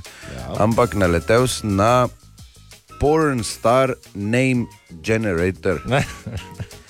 Svoje ime odpišeš, svoje ime odpišeš, stisneš generate, pa ti da tvoje ime ven. Okay. Tako da smisel, da bi Oj, oj. mogoče vsakemu zdaj ime uh, šli. Ja, izvoli. Pa gremo po vrsti Ana, female, ne? ali te damo pod mail. Ne, female, kar pusti. Sem Generate. zadovoljna s svojim spolom. Lena Slam. Okay. Lena Slam. Dobro, Katja. Katja. Female, ja. Ne. Kako vprašanje? Sandy, the really famous porn star. Ko si ti, to si- bi si mogla dol zapisati. Čakaj, bor. Mail damo bor ali female? Mail. Gunner deep. yes, yes, yes. Marko, mail. Ja. Ti si pa gunner tank. Hoj. ne vem, neki Kitajci, če te pa še sebe probamo. Ne? Ajde, da vidimo, ti ne. Čakaj, če imam female. Da, ne, no. Oboje, oboje moraš dati. Čakaj, eh, če bi bil moški, bi bil. Sergeant, Sergeant Banger. Čakaj, če pa se dam za babo, ti ne, female. Nurse Banger. Bravo. Uh, Tako da, uh, če nimate kaj za delati, Po pisarni star na- name nadenite, generator, pa se lahko greste preimenovati. Prekrasno. Res, hvala lepa, Tina, Prosim. za te modrosti danes zjutraj. Aha, aha, aha, aha, aha, aha, aha efekt. In Bor odgovarja na vprašanje Tatjane, ki jo zanima, kako nastane roze vino. Kaj je zdaj? Im, imamo eh, proceduralni problem, ker sem poljubil hčerke in jo pičil za brado. Da, rešeno in gremo naprej k pomembnejšemu vprašanju, kdaj je meni rešeno. Ja. Trenutek. Okay. Bor eh, poljublja svojo hčer Ja, je, vse se prekine, ko to treba narediti, jaz se opravičujem. Ja, Zdaj v pa seveda ja. gremo k pomembnejšemu vprašanju, kdaj je vino roze. Prvi odgovor je definitivno ne, če vzameš belo, pa rdeče, pa skupaj nalivaš. Uh Mhm. -huh. te, niti, ja, te niti vino več ni verjetno. Ampak za to, kako dela roze vino, moramo razumeti postopek, ki se mu reče maceracija. Kaj je maceracija? Grozne jagode namakajo v lastnem soku in to z lupino. Okay. Barva, torej rdeče vino pride iz lupine grozne jagode. Hmm. Ne? To je proces maceracije.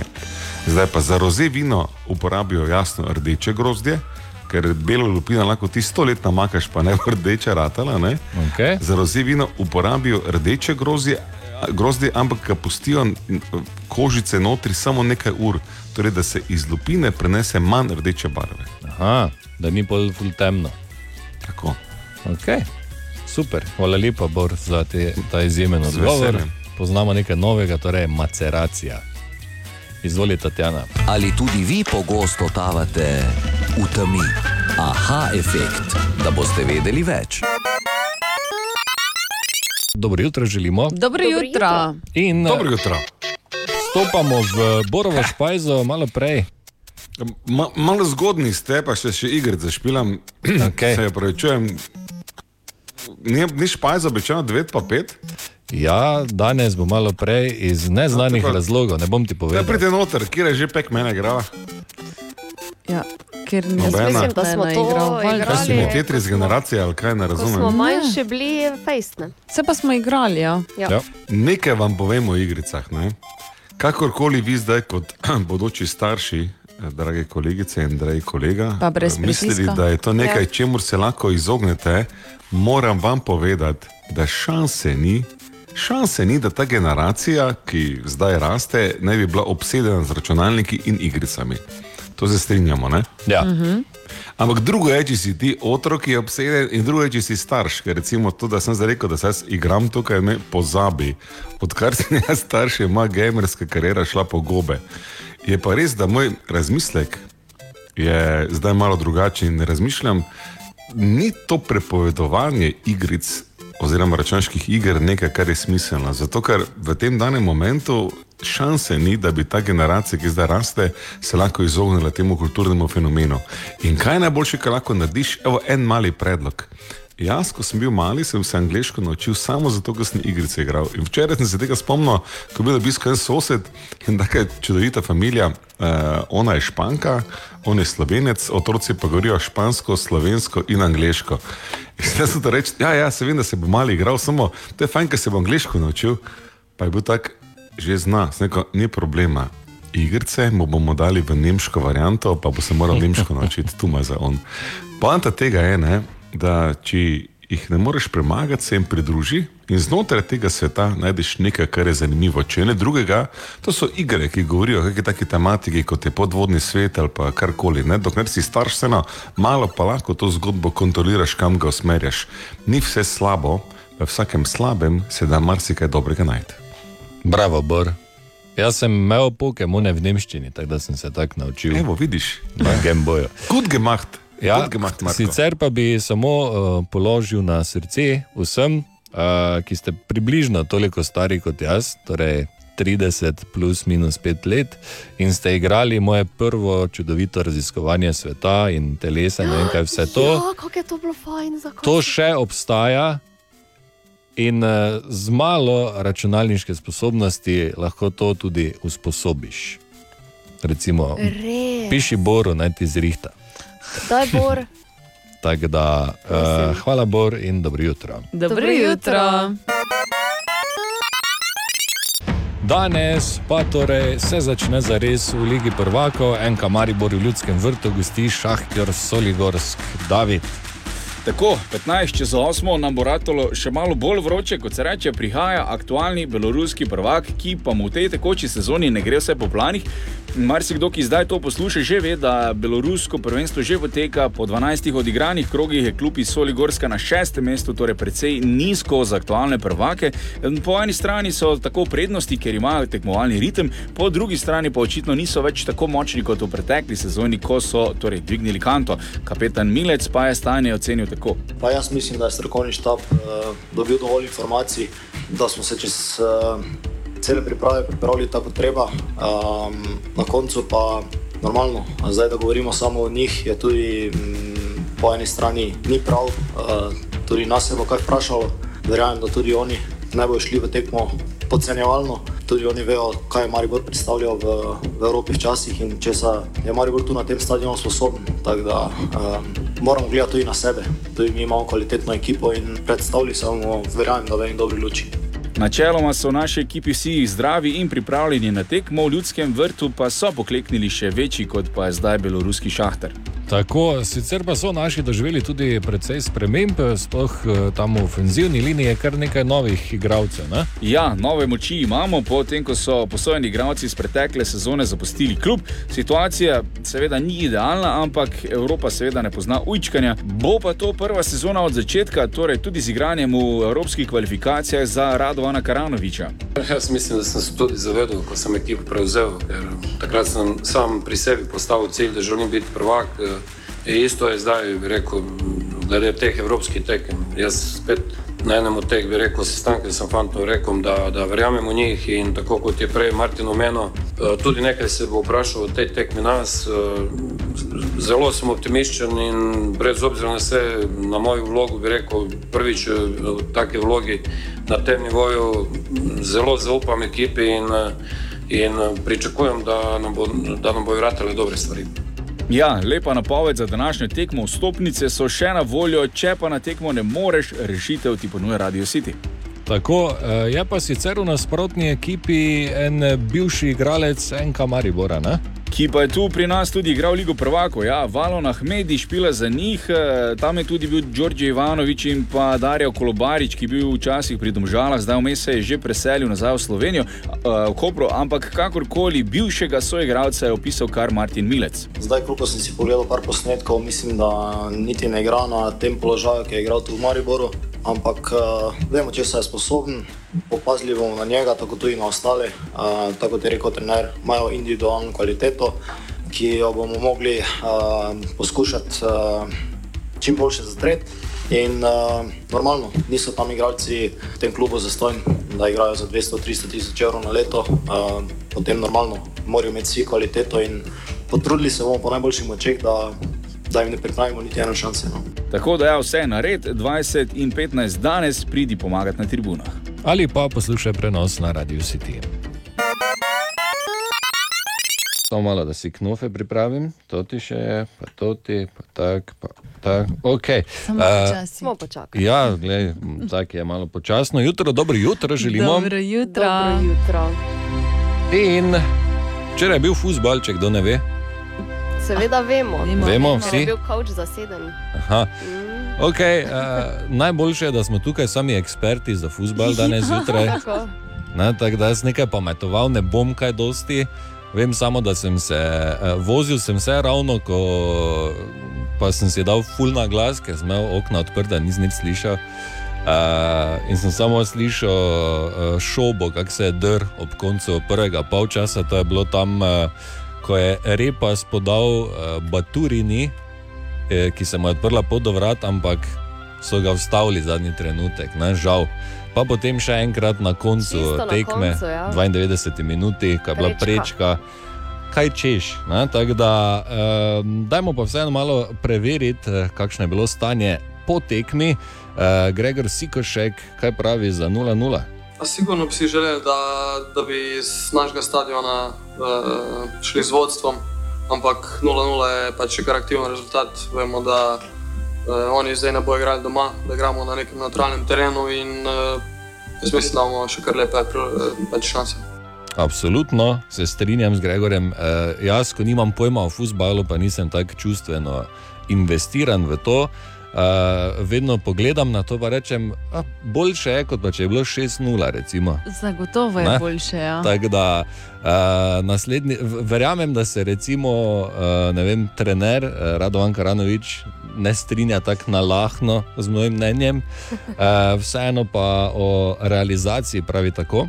Kar se tiče realizacije, normalno uh, mi pričakujemo, da tisti fanti, ki so zdaj prišli, pa mogoče tudi tisti, ki so že odprej tukaj, uh, se verjetno enem od teh mogla odpreti, bi rekel, zadevajo ali strelska forma. In, in na koncu konca sploh ni pomembno, kdo da gol, pomembno, da, da mi gremo naprej.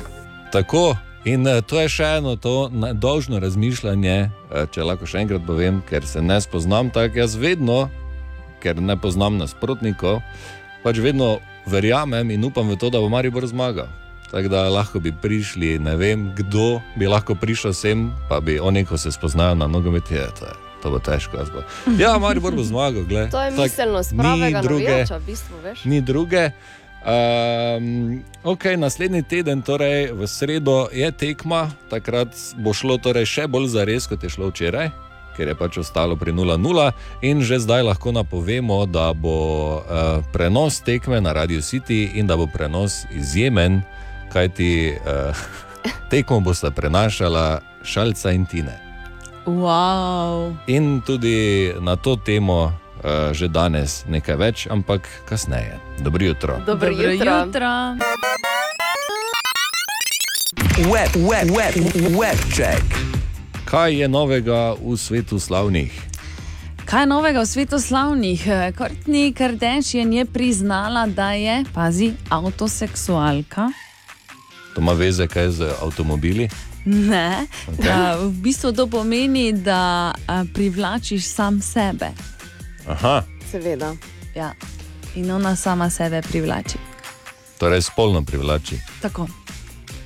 To pomeni, da se gleda v špegel in se, in ko je sama sebi Mhm. seksi, je bolj pripravljena na zadeve. aha, Ali ok. kako naj rečem. No. Dobro, zanimivo. Uh, potem sicer ni iz sveta slavnih, ampak zagotovo vsi poznamo Eiffelov stolp. Ta vse, Ne, kaj je to? dobro, Pa no. Parizu, znamenitost. Uh, ta vse Še bolj boljše je, da si mi odgovorila to. Ja, Kaj pa, če mogoče kdo res ne ve? Ja, no? ok. Uh, v bistvu torej, um, ta vse bolj rjavi in je nujno potreben korenitih obnovitvenih del, ampak uh, so se odločili, da ne bodo naredili uh, korenitih obnovitvenih del, pač pa ga bodo pred uh, olimpijskimi igrami 2024 samo malce lepotno popravili, torej pobarvali ga bodo, bodo pa Mhm. vseeno za to dali 60 milijonov evrov. Ampak, Sliši bojda- se zelo varno. Ja, bojda še zmeraj manj, ne, kot pa, če bi ga zaprli, pa bi imeli baje večjo izgubo. Ja, ampak ni, mislim, ne, glede na to, da si neki v luftu, bi mogoče bilo fajn, fajn, ja, da je- če tako, je varno. je. Ja, točno tako. Okej. In pa na japonskem imajo nov zakon in sicer lahko greš v zapor zaradi grdih komentarjev eh, na internetu. Hm. Tudi do eno leto zaporne kazni lahko dobiš. In zakaj tega ni pri nas? Ja. Vedno, ko odprem Facebook, pa malo Da boš članek. Ja. Bi sobe dodatne delali, po Ko, mojem. ko se prebijem skozi vse slovnične napake in vse, vse, vse komentarje, z, ki pišejo z veliko, uh Mhm. -huh. pa niso smiselni, je kar Mhm. bi, bi, bi, bi zapori prepolni. Ja. Ja. Tako da zanimivo, hvala še kaj. Da, to je to za Samo to? Ja. Je pa kaj te? Ja, vredno. Je lahko. Ne, ne, dobro. Katja, Ana, Bor in Marko želimo prekrasno jutro. Dobro Dobro jutro. jutro. Boru tudi. Bora smo izgubili in uh, vem, da mnogi bi si tega želeli, mi trije pa smo bili priča temu, česar si ne bi želeli, namreč za kanček, za sekundo smo videli nagega Bora na kameri. Izjemno četrtkovo jutro se temu reče. Ja, res. Dobro jutro. Dobro jutro. Dobro jutro. Bor, zakaj si bil nagi prej? Samo malo. Ne vemo več, da je FKK Freikörper Kultur, prihaja iz Nemčije, Ja. kjer so v 20 letih prejšnjega stoletja zelo telovadili nagi v šolah, celo tako daleč smo bili, da bi ta družba bila odprta. Zdaj pa tako, ko tu pa tam zasije sonček, in kdo pokaže to, kar bi se moralo kazati vedno, tako kažemo s prstom. Pardon. Če imate svoje Ne, daj si kotičke. nazaj gorno. Vsi se morajo tem. Vsi dol. Ja, jaz ne bom tega gledal. Uh, premaknimo se k resnim stvarem. Letni kinominariti se začne to soboto ob 21. uri s projekcijo slovenskega filma Inventura. In kaj vse moramo vedeti pred eh, letošnjo sezono, David, povej. Ja, in imam že en zanimiv napotek, eh, kar že za pojutrišnjem, torej za soboto, scenarist in režiser Inventure Darko Sinko bo po končanju filma opravil pogovor, tako da bo to definitivno zanimivo. Najprej vidiš film, potem pa ga še spoznaš skozi oči in spomin avtorja. Dosti takih pogovorov lahko še potem najdemo v programu, mogoče celo pride Goran Vojnovič, ki je avtor dokumentarca o osvojitvi zlate medalje na Evropskem prvenstvu košarki leta 2017, to je tudi naslov filma. Projekcija le tega pa bo že prihodnjo soboto, torej 16. junija. Še prej pa torej ta sobota Inventura, potem pa v sredo Mala mama, francoski film, ki pa ima tudi predfilm eh, z naslovom Maurična vas. To je animirani otroški film, ki je nastal z otroci iz skupine Češnje, vrca Ivana Glinška Maribor, tako da tudi predfilmi bodo letos. Krasno, super. Je pa program sicer vsako sredo in soboto ob 21. Ne? Ja, in rezervni termini so še ob nedeljo zvečer, to je za primere slabega dežja in podobno. Program nasploh je zelo zanimiv, sploh iz, vsaj iz moje laične perspektive, bolj profesionalno pa je program in sestavljanje programa opisal Rene Puhar, producent. Pripričan sem, da smo res znova pripravili odličen program, nekakšen eh, best of, če lahko temu tako rečemo, preteklega leta.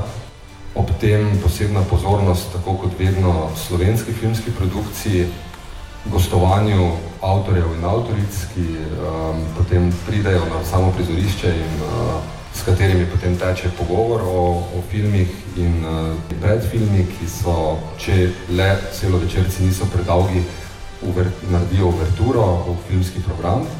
Celoten program je dostopen na spletni strani Ludkovnega gledališča Maribor, se pravi lg-mb.si.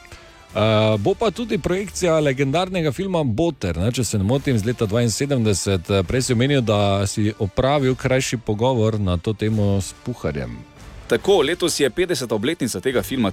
Kam človek pokliče, če hoče botra dobiti na Sicilijo? Kar, ali? Če hoče botra dobiti, zdaj v bistvu res mora poklicati na Škotsko. ne. Tako da zanimive so te poti, uh, mafijske.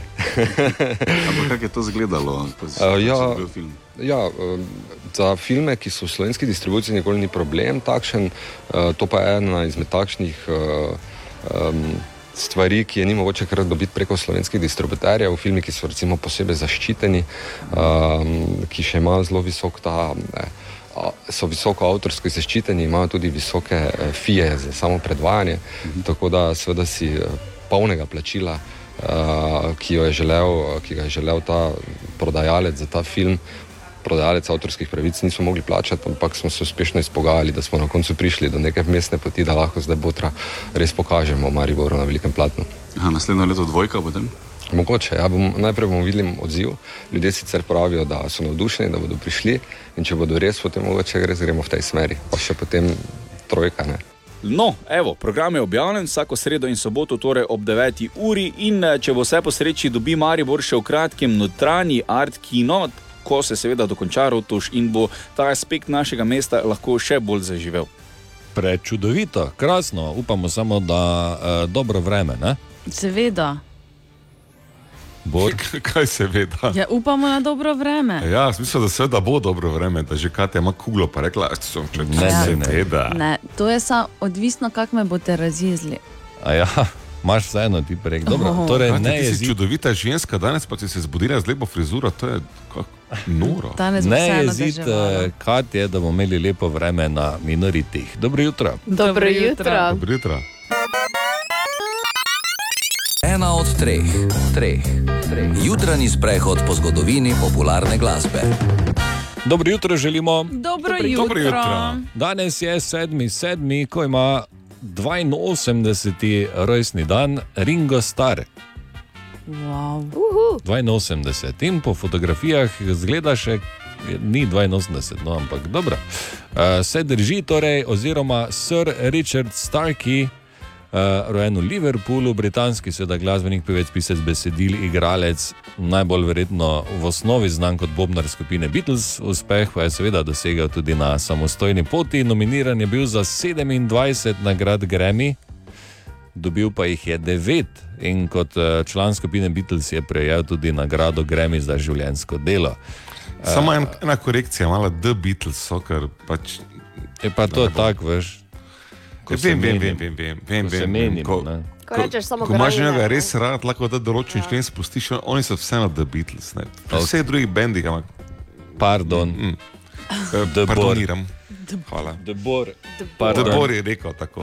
Bor the Griner. Okay, vzdevek Ringo je dobil zaradi svoje navade nošenja številnih prstanov. Hmm. Ne vem, koliko jih je imel. Eh, Sicer pa igra bobne z levo roko, ampak eh, na bobnarski garnituri za desno roko. Je zanimivo. Ka- res? Ne? Vsak se navadi. Ja. Jaz tudi ne, dokler nisem prebral, zdaj pred par sekundami. Uh, kot otrok je tudi ugotovil, da ima številne alergije, pravi, da je zelo alergičen na čebulo, česen in začimbe. To je nekaj najslabšega, v bistvu. In pravi, da nikoli ni jedel pice v življenju. Bogi. Bogi. Kaj ti bojo gremi, pa eh, denar, pa vse, če ne moreš pice jesti.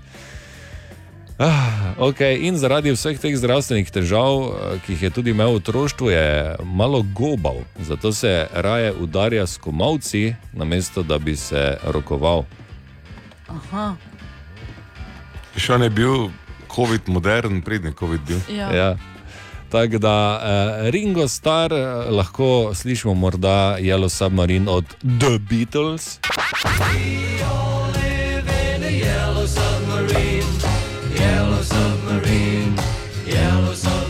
Ali pa od njega Photograph.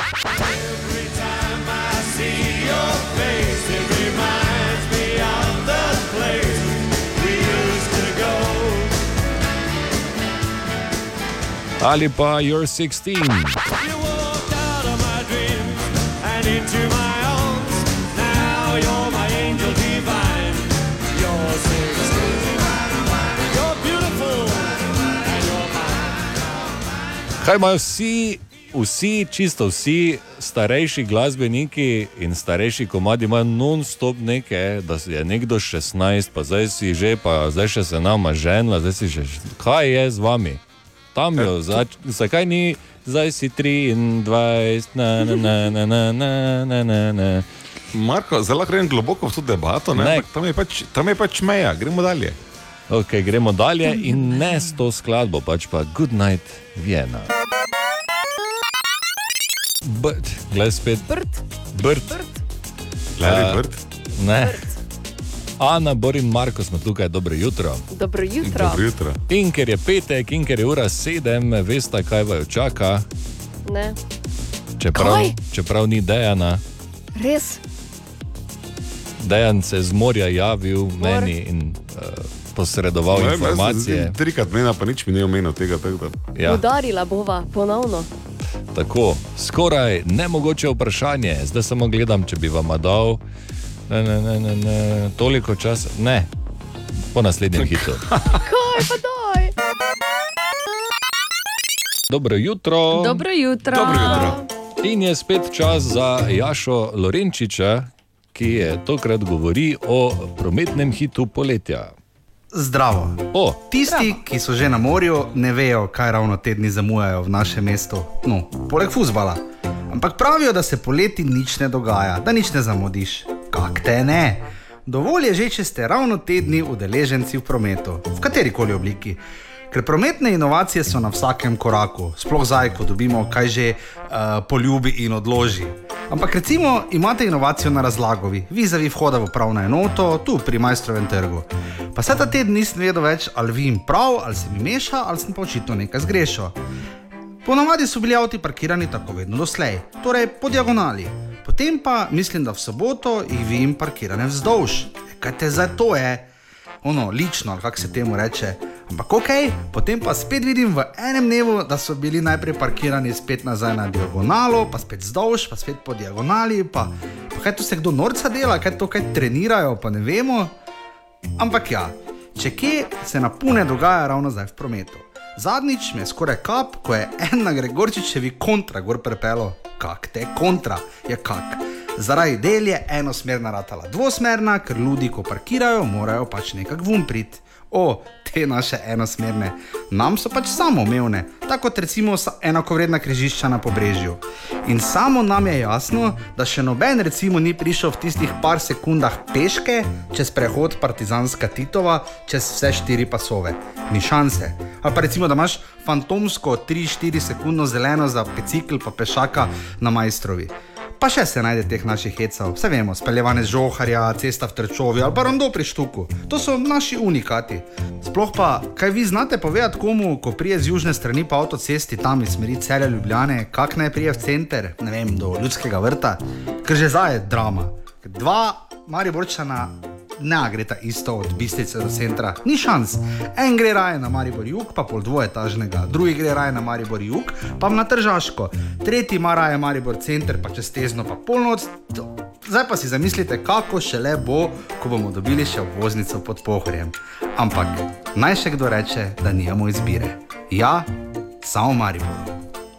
Ja, razen če bi eh, rad šel eh, iz zahoda na vzhod, pa imaš samo eno izbiro. Ja. Oziroma, mislim, ko bojo len zaprli, bo samo še ena izbira in tam bojo vsi, vsi Mariborčani na Tam se svetu. dobimo, ne? Eh, Ne bo drugače- či zaprt več po zadnjih predlogah. Da, Ja, drugače skrbi. pa bi dodal še samo te enosmerne in uh, kontravožnja. Tu na slovensko se suvereno večkrat uh, ljudje pripeljejo kar noter, pa dol, da te skoraj povozi. Uh, Tako da, hvala Jaša. O, Tine! O, Tine! E, Pa zdaj spet, te nisem vklopil, pa kaj. To, to, to mu nalaž delaš, ne? Ja. Ker jaz mislim, da globoko v tvoji podzavesti je ta misel, da je to, da je ti ne predsednik, dosmrtni predsednik vse komisij, pretirana funkcija, ne zasluži si je, ni on v redu, mogoče celo ni naš, ne? Zato mu mikrofon vidno sklopiš, potem rečeš, dobro jutro, tine. Bor leti, Točno lahko. to, Bor, kak si vedel. Ja. Kak vas, Kratka zdaj pa si analiza. me prebral. Mm, kot odprta knjiga. Ti ne je živiš. zmenila? Ja. Če živim, ja. glej me, kaj te s tabo je. Malo je bilo. se pač spije, malo ne. Ja. Ja, no, veš, da je bilo treba podebatirati, ne? Kak je bilo, pa kak bo. Ne. Ja. Samo na vratnica, ne pa kaj si no. To je vse, kar si si zapomnil, ne? Prebral. Prebra, si gledal tekmo, br? Oddaleč. Iz slovenske je gledal. Ja. Od daleč je gledal tekmo. Od doma, ne. Okay. Ja, nič, uh, imam eno, če se znajdete na japonskem, uh Mhm. -huh. Pa prijete do semaforja, pa bo na mesto zelene modra. To Okej. pomeni, da lahko pelješ, to je isto kot pri nas zelena. Ja. Zakaj imajo modro? Uh, zato, ker je to v bistvu je, uh, taki odtenek uh, zelene, ki je že skoraj moder, toliko da še zadostuje uh, tem uh, pravilom mednarodnim, da mora zelena pač biti. Ne? Zakaj imajo modro? Zato, ker uh, skozi zgodovino japonski jezik uh, je imel samo besede za uh, črno, belo, rdečo in modro. In uh, zelena se pri njih smatra kot odtenek modre. Še danes nimajo zelene? Okay. Ne, ja, mislim, zdaj verjetno imajo. Ja, ne. okay. Ono gori, ne? Tako da eh, v bistvu so kar štajerci. Ne? Ker nimajo Bravo, niti ja. besede, nimajo za zeleno, ker želijo, da bi imeli zeleno. Lahko mi eliminiramo zeleno, tudi na Ja. ja. Štajerskem. če bi Pa imamo vijolično, ne, gor. ja, namesto na semafori. semafori. Pa iz Recimo. besedišča ven, ne? tako da pač je ni Ja. sploh več. Uh, hvala ti, ne, zanimivo. Smem dodati eno živalsko? ali Ja, ne? čakam, čakam. Okay, uh, ali ste vedeli, ne. da, je lahko, uh, da lahko mačko oplodi več mačkov naenkrat? Ja, In Ja. to pomeni tudi, Okej, da potem. Smanje Zakaj? doživljaj. Či, ja pa, ker imamo doma ta primer in je čisto popolnoma so drugačni. kaj? Ja, Pa Ja. pač nehaj, res no. popolnoma drugačne muce so. Lahko ima v bistvu vsak, vsak muc lahko ima potem eh, drugega uh, očeta Tako, in so lahko čisto drugi. Ne? ja. Tako da, to je to. Mačke so kar, eh, da ne vem zdaj so? Katja, medtem ko jaz poiščem podlago, ti povej. Imamo vprašanje za aha efekt in sicer vprašanje Timoteja, ki ga zanima, zakaj se tresemo, ko nas je strah. Okay. Prehitro si prebrala, nisem prišel do podlage, ampak eh, bo, bo Bor seveda našel odgovor na to vprašanje, brez skrbi, Timotej. Aha, aha, aha, aha, aha, aha, aha efekt. In tukaj je vprašanje za aha efekt, ki ga je poslal Timotej, sprašuje, zakaj se tresemo, ko nas je strah. Bor.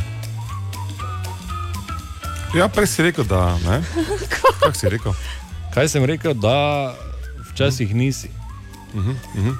In tudi, Ampak danes si- ni en takih dni, veš? Aha, Zato, okej. ker Hvala. Mi se tresemo, zato ker naše celice v mišicah uh, direktno uh, so povezane z možgani, tako da ko možgani dojemajo, da smo mi v poziciji, ko je treba ali bežati ali leteti, ne, že adrenalin steče po našem telesu in visoki nivoji adrenalina v krvi, kaj delajo? Mišice krčijo nekontrolirano. In ta mikrokrčenje v mišicah, tako da res trese, ker ne res samo za mišice v rokah, ampak po celem telesu. Ne? Mhm. Okay. In eni se tresajo bolj, drugi manj, recimo jaz bi se tresel tako. Ne? Marko pa. lahko nehaš Prav nekontrolirano. stimulirati Slušalke so Ja. Od demonstracije. Uf, okay. uh, hvala lepa, Borg Reiner in izvolite Timotej. Ali tudi vi pogosto totavate v temi? Aha efekt, da boste vedeli več. Eh, Dobro jutro želimo. Dobro jutro. Jutro. In uh, samo dve uri smo rabili, da smo dobili tudi spal, ja. nogometnega eksperta. A dve uri si samo spal. Ajde, Okay. Tudi Tine Križanič je tukaj, ampak dajmo najprej rešiti uradni del, potem se posvetimo temu, Tako, zakaj ja. je tukaj. Torej, včeraj uh, je igral Maribor proti uh, Šahtjerju iz Soligorska, 0-0 je bilo, kar je pač hm, boljše Ma- kot no, no, poraz. no, no. Hvala, Bor. Ne? Kaj je hvala Bor? Si Ja, kaj, zdaj smo že vsi pozabili, da sem jaz srečal Belo, eh, to te Beloruse v mestu, tudi Aha. Valona Ahmedija in Pa mu rekel, čuj, poskrbi, da ti tvoji kao kolegi ne bo dali gola. In koliko je bilo na koncu 0-0? Hvala, Bor.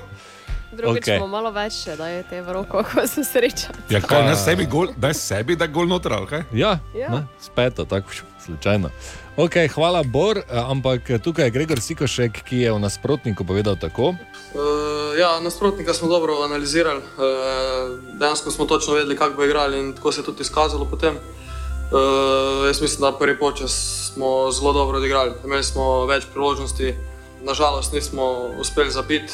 Drugi počas smo malo slabše vstopili, se mi zdi, da smo bili preveč neaktivni, uh, ampak smo tudi imeli svoje priložnosti, ki v Evropi jih moraš izkoristiti, uh, ker vemo, da v Evropi nimaš ne vem koliko šans.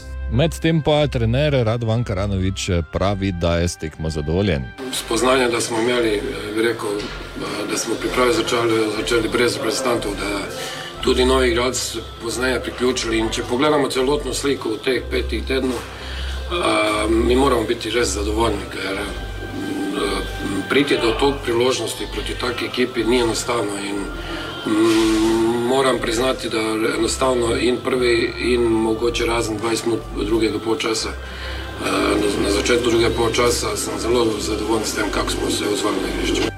Tako, uh, zdaj pa pustimo to tekmo za nami, namreč naslednji teden, v sredo je povratna tekma, Vedlin je na dopustu, kar pomeni, da v Turčiju. Turčiju. Turčiju. Turčiju. Potujemo v Turčijo. Oziroma Turkije, je, ne po novem. Ja, pa, pardon, Turkije. V Turkije letita uh, Tinček in Šalca. Nekaj več o tem, seveda, v nadaljevanju, ampak uh, Tinček je že včeraj malo tipal pri šobi. Zelo površen poskus Ivana Brniča. Ob uh, dobrem obetavnem položaju. Ti ne križa nič ob meni. Eh, Jaz že malo vadim za povratno tekmo. Ne, malo sem preveril, od letos so nova UEFA pravila, ni rumeni kartonov. Ko sodijo Grki. ja, tako. Torej, Glej ti šaljivca, strokovno, strokovno. To lahko Glej ti tebe, šaljivca, kaj te stave, gledi šaljivca, mi je rekel. To lahko res. pričakujemo, torej naslednji teden si kaj živčen ti ne. Ne, ker imam šalico, zraven, hvala Bogu, ko malo A. več o futbalu ve, kot jaz, tako da ne bi se totalno blamiral. Ne. Okay. Ostani v vlogi šaljivca. pa bo Čakaj, vse samo, okej. torej, samo ti in Matjaš, eh, torej ti in Šalca samo komentirate, ni za Ne, pravi sedem nas bo. Lahko še Bora zraven za Ne. Ja, Kaj ste ja. meni zraven vzela, recimo? Zato ja. Ker na zadnje, ko si ti prenašal, Bor, ja. jaz sem bil tukaj in sem prejel telefon, je zvodnil v eno. Da pride nekdo, pa te odnese, ven iz ljudskega. Ne vem, zakaj To je bilo še lepo, ne? Zelo strokovno oddelal. Na zadnje, Borko, se spomniš, ko si delal tekmo, pa si eh, gospoda Jelinčiča po intervjuju, pol pa je šlo vse. To je bil pa Dejan, kriv, to je, Ja, vem, ampak ti si začel. Ja, no, ja, ampak on je bil kriv. Kdo zdaj? Okay, dajte se vi na Viberu, zmeni to, kdo je bil kriv. 13 minut čez 8, dobro jutro. Dobro jutro. Narečja so zakon. Ha, kva, koga, kaj? Ma ne razumem. Dobro jutro.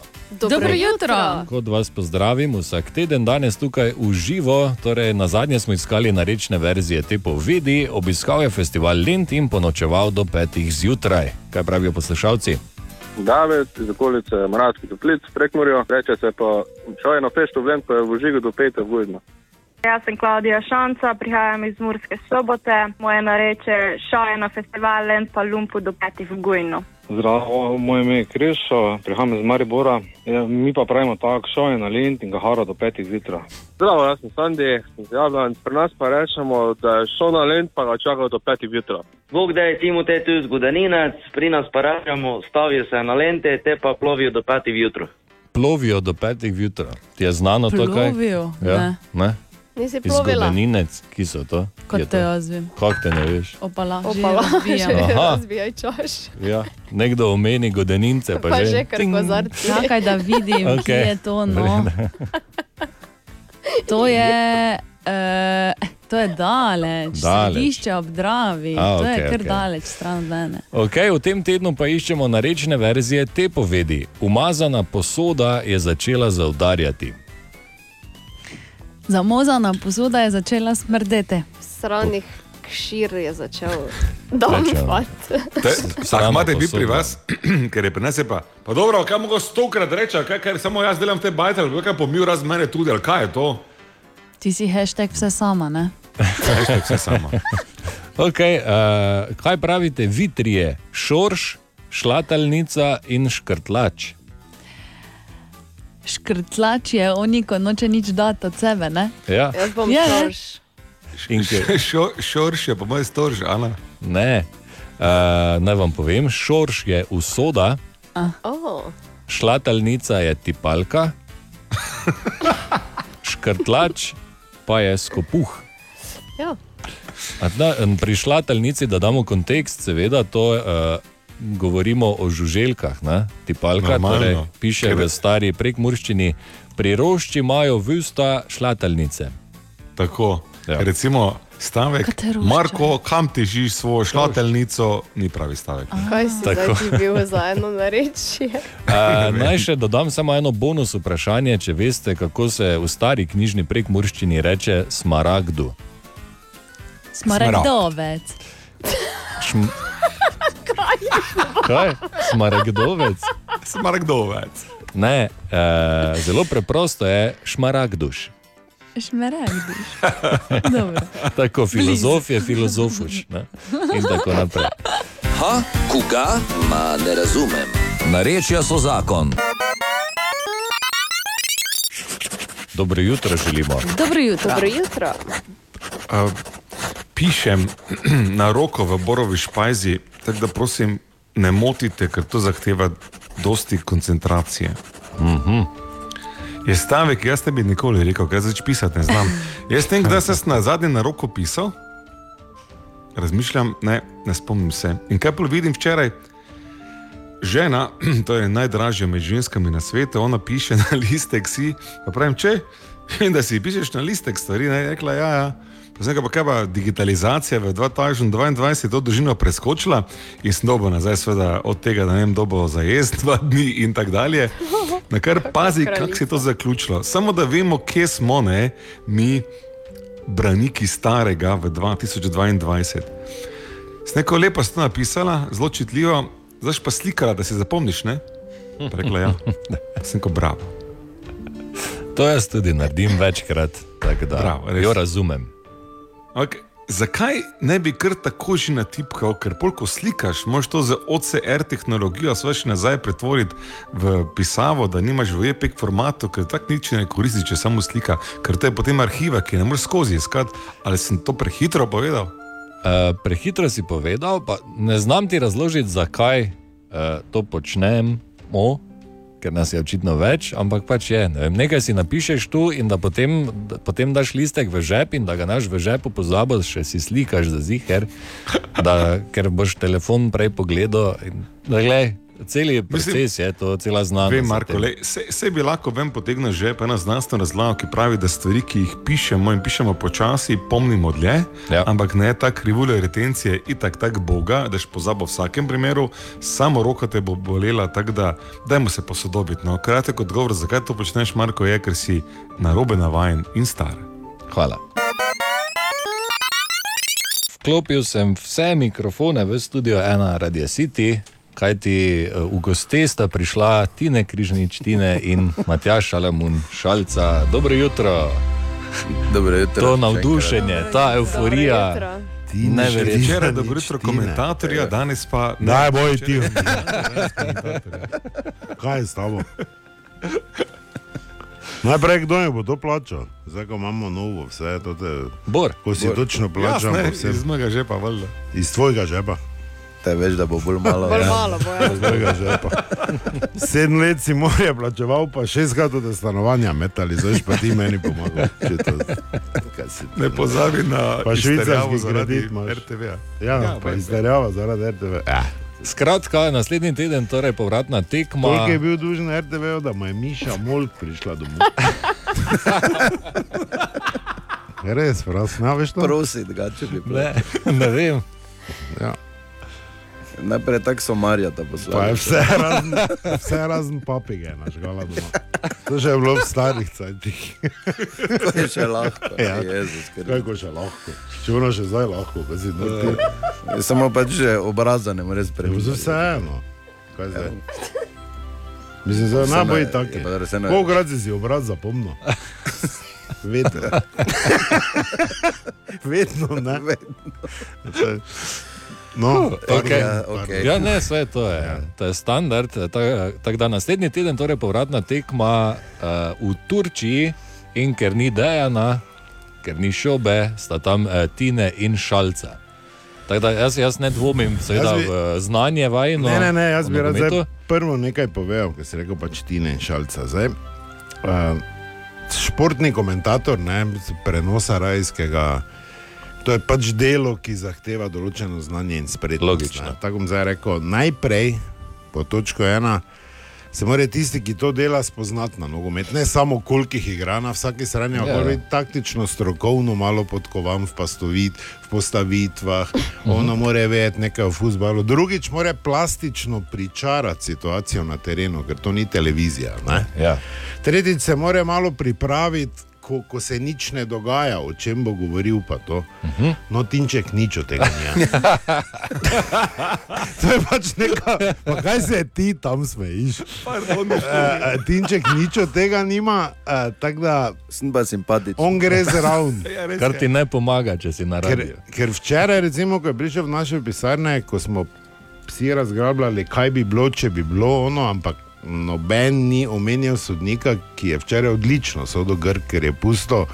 Evropski futbol ni za vsaki drek pisko, pa to je Tinček prišel tja in rekel, pa pisa, sudja pa res je katastrofa. kaj ni držal." Tako mislim, v kratkem sem vam orisal, tako da Tinček pač gre v Turčijo. Ja. Ja, super, na Ja, dopust nekdo malo. ti mora vodo. Zdaj pa je pa zraven. nekaj res, da kar nima noben od naju, a, noben ne rad hitro govori, kar je za športnega komentatorja tudi pomembno. Tako da bojim se, da bomo vsako tretjo akcijo um, ja. mi dva dosegla, ker mi smo bolj predina v tem. Uh, um, Vem pa v futbalu, vse gledaj, vedlin se tudi nekaj na nogomet nas pozna, pa to dela. Veš, kaj ti rečeš, tako Zna pa hitro govoriti. Tako da, zna pa hitro govoriti, Pa on to, on to pač pa to. prikrije. Ne? Ja, to Pa zdaj- te besede, ne visoke, ne, ko jih uporablja včasih vmes. Ja, ta ton, ne, to, Oriše to, vse ima on, to ima on izdelano. Ne. Oziroma, jaz sem se zdaj spomnil, veš kaj bom jaz delal. Ko ti pač komentiraš futbol, glede na to, da je prazen. publika, ne, ja, ne. ker je stadion, prazen stadion, pa tak ni, zdaj pa jaz od zadaj nekaj. Pač, publika. Publika. Bom Vse tega si tako vajen, no, mislim, oziroma smo te vajeni, da si pri prenosih zraven, ne, v zadju. V zadju, ja, se, se to je problem. Pa se enkrat smo delali, že se spomniš? Jaz se Iz Malte. spomnim. Potisne Ja. Iz Malte, samo smo delali. Prenul pa je, smo imeli zraven pa pleh muzika špilala. Ma, Ne, to se spomnim, da je bila pleh muzika, to ne spomnim, pa zdaj smo prenos. Ja, prenos smo delali. Je Za, za, mislim, da za. Za Radio TV. Maribor, ne. Takrat še. Takrat, takrat smo še gostovali. Ja. Ker vajo ful kličejo. ko, Ja, ne, bolj bi hodila Mislim, da za enka komentirati. Mari bo imel prenos eh, prek interneta, ja, pa, pa smo tam delali. Mm, mislim, vem, da bil sem na tej tekmi. Mislim, Ja, sva- če se tekma, Samo nas se spomnim, da bi s tabo prenos delal. Ja, ne za ker še en večer prej smo šišo kadila, se ne spomniš? Ti ne? To To se vse spomnim. To so dobri obeti, ne. Če sta že skupaj delala, ampak se ne spomni. da so- Ne rajš zdaj v totalne podrobnosti, ker malte se malo spomnim, tako da zdaj je. Tu, če se ne spomnim, ne rajš me zdaj z nekimi opomniki, kaj se je dogajalo, Ja, spomnim. to, ker jaz se vem, da smo- pripravljam, že tako si rekel, moraš biti pripravljen za vmes. ko ne Samo bo- ko mi rečeš nič, Malta, ne. se spomnim kaj druga, kot tega, da sem prenos pa bo delo, razumeš? Ja, no, Si to pa sedo z pač. mano vedno, to pa vem, da se spomnim, to se spomnim. Dobro, vse nekaj. E, jaz mislim, da bo kar zanimivo. Jaz tudi. Jaz se spomnim tebe, šalca, da enkrat si prenašal, ne vem kaj je bilo. Iz mislim, da Gruzije. si- Gruzije. Ja.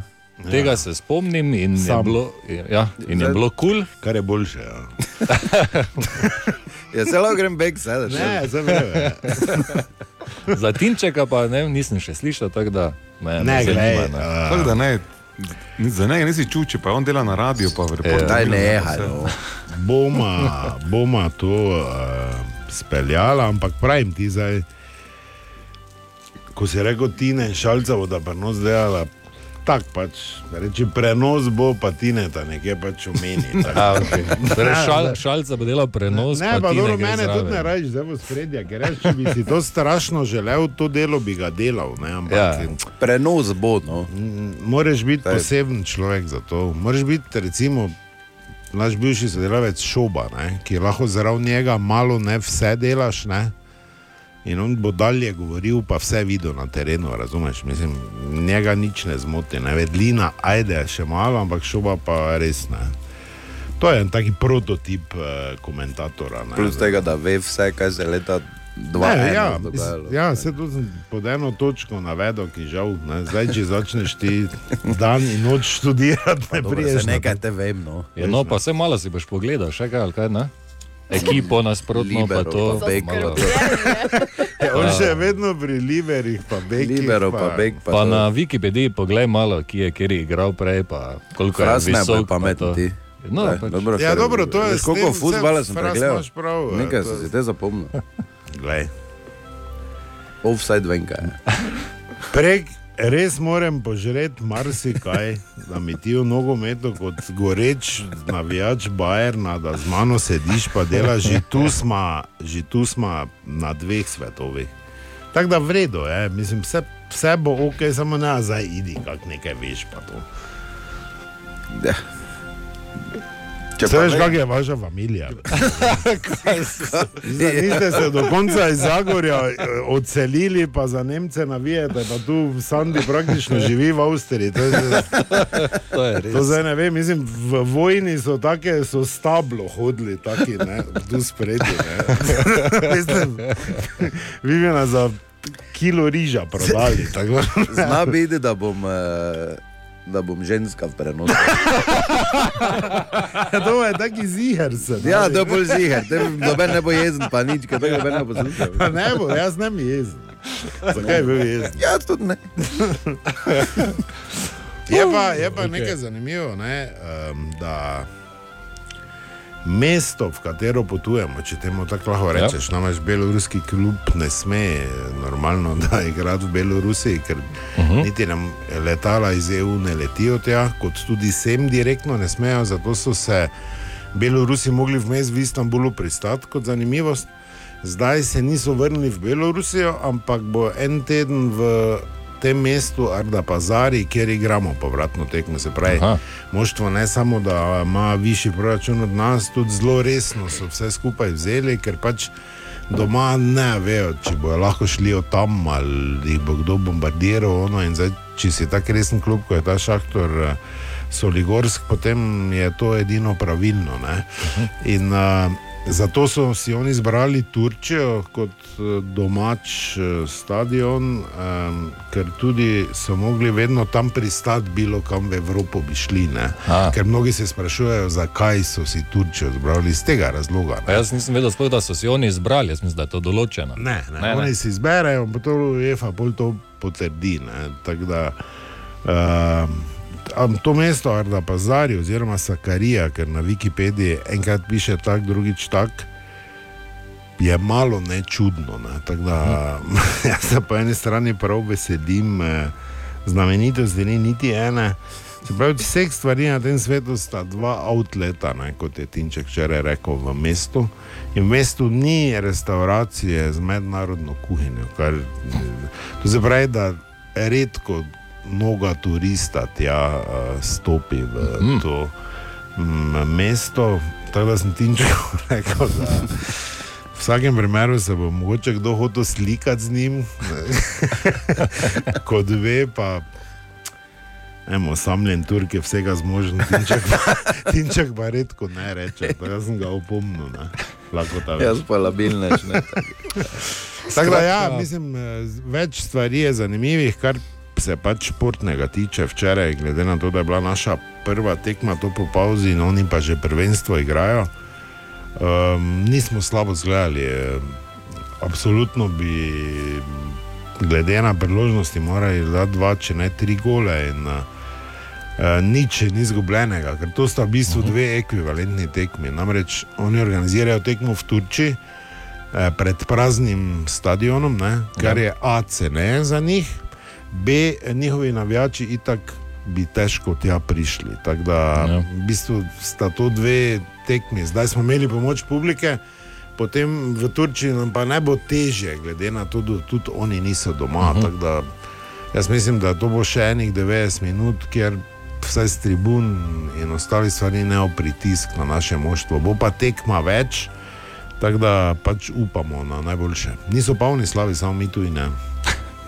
To je, to je ta- malo tako, to je kaj bi ta zaključek. dodal? Ja, to- Razen da ja, si nek včeraj švinglo in da si ti znorel. Ne, pa je- daj pa one, bi mi, mo- kdaj bi mu mogel dati, priznaš, da bi mi mogel dati vsaj dva kartona. Že? Pa zakaj? Če pa je sedem faulov naredil v, v roku sedmih minut. Če pa to so bili drobni fauli. Ja, pa ni drob, pa je drobni fauli, če si jih je so metal. del- delitve znotraj Pa faula. od zadaj. Mislim pa, kaj zdaj žuti, mislim, kaj, zakaj bi zdaj. Ja, zato. Če pa so nek moško igro, pustno. Ja, te on ve, kaj moški. Če grk. Ja, pa si si ga videl na segrevanju. Že, Ja, pa nam te tudi, ne, tukaj je milec onega preotline, bi mu tudi lahko dal rumenega. Ja, pa to mu je ja, Ja, no. to mu je zavrno, za, ker ga je Tako verno, če je to bilo prej. Skratka, jaz, eh, tudi eh, strokovnjak šoba je rekel, da bi mogel dati karton prej. Dva metra vek boš sedel. Jaz komaj čakam, da pridem. Ne, boš ti nič komaj čakal. Ti ne boš imel prenosa. Ti absolutno ne boš sploh imel dostopa do. Da čuješ. Okay, uh, po vsem slišanem so obeti odlični. Jaz tudi komaj čakam na prenos, torej naslednjo sredo ob eh, 19. uri po našem času. Je, ne? Ja. Tako da malo prej se, malo prej se bo to je že. tam ura drugačna. Mislim, Ja. ja. javlja se ima tako čez dan, zdaj če se. Mislim, boma se javlja. Ja, ne, Ja. zdaj, Tako strašno. z- Ti še imaš kartice, kupi data, že to je prvi zaplet. To Ja, boš- to tako boš mi pomagal. Ja, Ja, ne, ne, ne ti bom si ti. stokrat kupoval že tam kartice. Zakaj bi ti na moj račun se debelil tam? Ja. Ja. Sem... Zdaj ti neki kebab ti.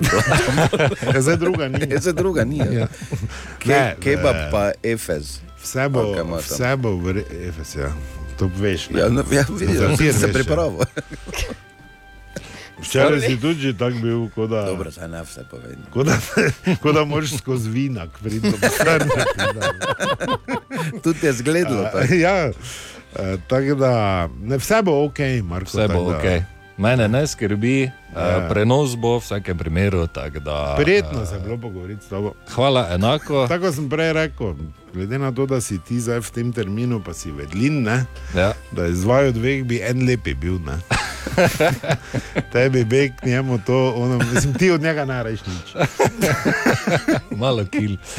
Okay, hvala, Šalca in Tine, da sta prišla. Pa za kontra, so sreče. Ja, najprej Šalca. Ja, se že ja, naučil. če si ga napalo. Dobro jutro želimo. Dobro jutro. Dobro jutro. Tako, uh, tekma je ne? in vedno, ko je tekma vijoličastih, ko je uradna tekma, je tudi prenos na Radio City.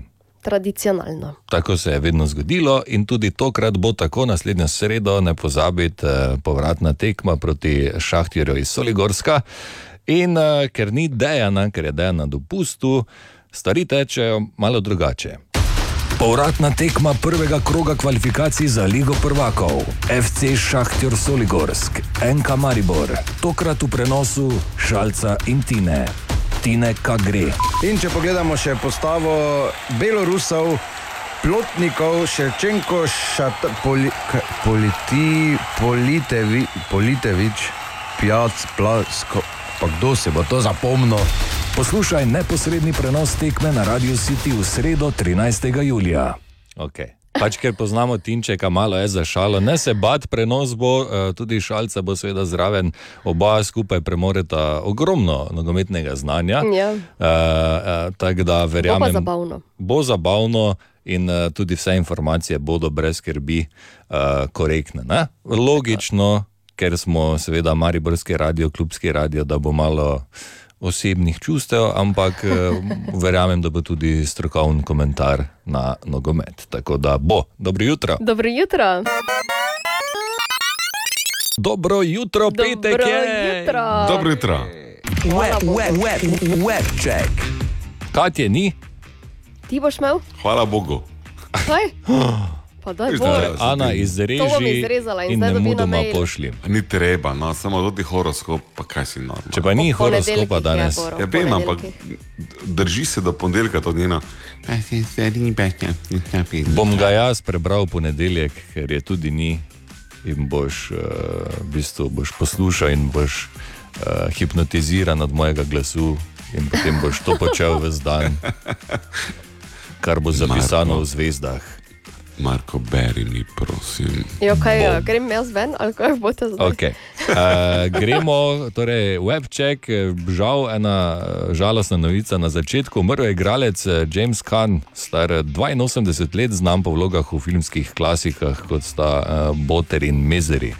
V Botru je igral uh, Sonja. Ne? Mm. Uh, Elon Musk je potrdil, da sta se mu lani ob koncu leta res rodila dvojčka, zdaj ima že deset otrok in jih želi še več. Poslušaj, okay. potem ko je z eno od svojih direktoric no, to je to. bil dvojčka pred časom, to je to. Je, meni je dosti boljše to, da je ded eh, včeraj ali danes sem prebral, je tvitnil, delam vse, da bi rešil problem slabe populacije na Zemlji. In zakaj? Ja, to sem tudi ja. jaz prebral, ker on želi imeti otrok toliko, kolikor jih eh, bo lahko se posvetil jim čas torej, in pozornost. In, eh, pač, A za deset otrok ima čas. ja, eni Ja. so že najstniki, pa eni so že eh, ne vem, na faksu, pa to tako da. Um, Ja, kap, kapo dol. Zdaj nove Ja, dela zraven. dobro mu gre, ni kaj. Nove dela zraven. Ampak ne vem, če je problem ne- nekaj, da, da, ni, da nas ni dovolj ali kaj na svetu. Je to je izpostavil v zadnjem tvitu. Je, ja, ampak ravno to je v zadnjem tvitu izpostavil, da živimo v tej iluziji, pravi on, da nas je na svetu preveč, ker je pač vsi koeficienti rodnosti v zahodnem svetu, bi jaz dodal v klepaju, kažejo v to, da izginjamo, ne pa da nas je preveč. Ne. Hm. Okay. Dobro, Elon Musk, čestitke za dvojčke. Uh, mož od Niki Minaš je na probaciji, ker se ni želel registrirati kot spolni prestopnik. Uh, Rihanna je postala najmlajša ženska v ZDA, ki je postala milijarderka. In da ji ni nekdo dal v roke denar, ampak si ga je naredila. Uh, simpatična koza iz Pakistana pa je požela svetovno slavo, potem ko so fotografije njenih izjemno dolgih ušes zaokrožile po spletu. Ušesa so namreč dolga kar 54 cm in uh, so tako dolga, da jih vleče po tleh, in uh, so To tudi uh, v bistvu ovira, zato ker si lahko stopi na uhe in, je, Res je prekucnejo. je. Ja. In pa uh, Bor, prisluhni, Barbie kor trend je v porastu. Govorimo o modnem trendu tega leta, ko se vsi in eh, z vsemi, mislim, holivudske zvezdnike oblačijo v rožnate barve. Aha, pa to imamo mi doma že dve leti. Aha, no, te pa ste vi Vse je napredni. Noro. Ja. Webcheck. Dobro jutro. Dobro jutro. Uh, jaz sem kapme, skoraj kaj delal, vem, kaj se mi je zgodilo. Povej. Zapisal sem si, katere serije moram pogledati, enkrat, ko bom imel čas. Ne? Ja. In seveda, po stari navadi, to se ne piše na roko, da se pač vsaj v eno datoteko na desktop. Ja. In noter sem pač si dal naslov serije. Ne? Uh -huh. Samo da si nisem, ker sem hitro tipkal, mi je event padel. In, in, in danes zjutraj z velikim strahom moram reči, ker nekaj drugega iščem, sem pred to teko, kjer piše serije brez i. In moram povedati, da sem se prijetno presenetil, ker sem našel serije, ki jih iščem. Pa neki občutek si dobil, da moraš na WC hitro. Ne? Ne, zakaj? Ko? Okay, ja, govorimo o serijah. Danes zjutraj serije, ki prihajajo uh, v mesecu juliju. Uh, torej, kot si že Bor povedal, sklepam, da imaš rad TV serije, če si jih Tako. pišeš v telefon. Ana. Westworld je nazaj, to priporočam. Okay. Pa tudi uh, to, to le sem zdaj pa padla z glave, no, ker nisem si zapisal. Uh, ta druga, ko je zdaj mm, serija, ko je zdaj prišla nazaj, ko Ja. Pozabo mladinski liki z muziko iz 80-ih, pa tisti stvari jih preganja iz ja, drugih dimenzij. A ja, Stranger Things. Ja. Stranger to je Things, že ja. mimo, je že fertik. Ja, vem, ampak je pač za pogled. To pa je, ja. Pa Netflix je zrušilo, kaj je prišlo vse skupaj. Okay, tukaj je ne tri serije, ki prihajajo: Blackbird, kriminalna drama. Zgodba sledi Jimmyju Kinu, ki gre za deset let v zapor, ampak dobi izjemno ponudbo. Da se v zaporu infiltrira in spoprijatelji s serijskim morilcem, dobi njegovo zaupanje, priznanje krivde in lokacijo trupel, v zameno pa dobi svobodo, seveda. Uh, prvi dve epizodi izideta danes na Apple TV, uh, Blackbird. Torej, po opisu serije gre za tisto, ko ne veš, kaj bi gledal, pa reče, ah, bom dal to, da pojem večerjo in se v 20 minutah odločiš, če je vredna ogleda, in ponavadi ni. Ampak morda preseneti, bomo videli. Uh, druga, Resident Evil. Poznamo ne? iz videoiger, iz knjig, filmov, stripov, tako da neke posebne predstavitve eh, ne rabi, ampak po vsem tem času dobimo torej še TV serijo, ki je bila leta in leta v izdelavi, tako da dolgo pričakovana. Eh, Zgodba se bo odvijala v dveh časovnicah in v sedanjosti bomo sledili sestri in bratu, ki sta začetom na poti, v prihodnosti pa nas čaka drugačen svet, 6 milijard zombijev in samo 15 milijonov neokuženih. Tom, tom, tom. 14. julija prihaja na Netflix in po opisu serije za oboževalce franšize, seveda, in pa za vse, ki so tako kot jaz, naveličeni serije The Walking Dead, ki še kar ni konec. Sem včeraj še gledati. traja? Ja.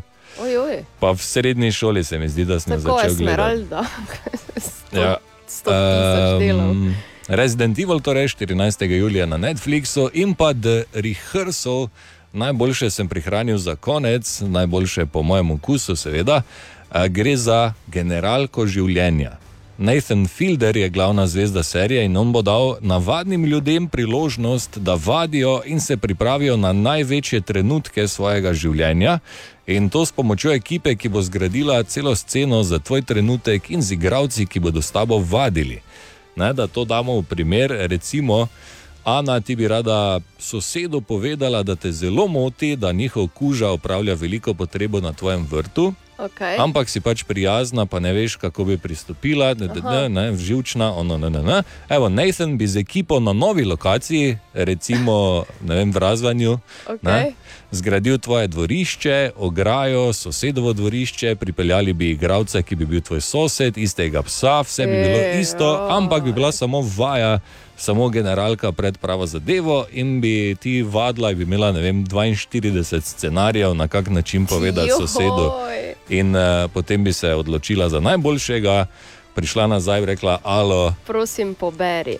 odpeli pesa. Ne? Ja. Uh, in bi to bilo to. Tako da The Rehearsal pride na HBO 15. julija. To, samo, to so tri serije, v bistvu od mnogih zanimivih, za vsakega se nekaj najde, tudi za Bora, ki ima v telefonu serije. No, Računalnik je duren, desktop, pa sem povsod. Dobro jutro. Samo časa ni. A Tako, čas je. Čas je za skoraj nemogoče vprašanje. Dobro jutro želimo, Dobro mimogrede. jutro. Samo- Dobro jutro. Samo trenutek mi dajte, da poiščem vprašanje, ker sem ga nekam založil. Ok, že imam. Okay, skoraj nemogoče vprašanje, torej, ko je vprašanje bolj spektakularno od odgovora. Ali pač? Vprašanje seveda temelji na statistiki iz Evropske unije, torej zajema tudi nas. Eh, Vsak od vaju ima štiri poskuse, eh, ne švinglat, prosim. Ne? In eh, gremo, če sta pripravljena. Ok. Večina ljudi. Lahko ga vprašam, samo preden gremo Pa naprej. dobro, Zakaj smo no. začeli poskuse omejevati? V čem je tu fora? Ampak imamo štiri, predeno imamo samo tri. tako Vem, vem, ampak Dajva, zakaj, za, Marko se isti trend sedel brez razmišljanja. Marko, ja, ne. Če ne, ne omejuješ, ne, potem bo lahko več eh, poskušala in Več bila bližje. Ja, Okay, danes naj vam bo in vam dam pet poskusov. Okay. Ne vem, če sem to hotel doseči. Ja, kaj, Boljše, lahko, ko te pa ima Ja, omejeno. Ana jih ima pet, ti pa štiri. Tu imaš zdaj. Če se boš še kregal naprej. Daj povej. Torej, večina ljudi v Evropski uniji je reklo, da so srečni, če vsaj enkrat tedensko počnejo to. Kaj je to?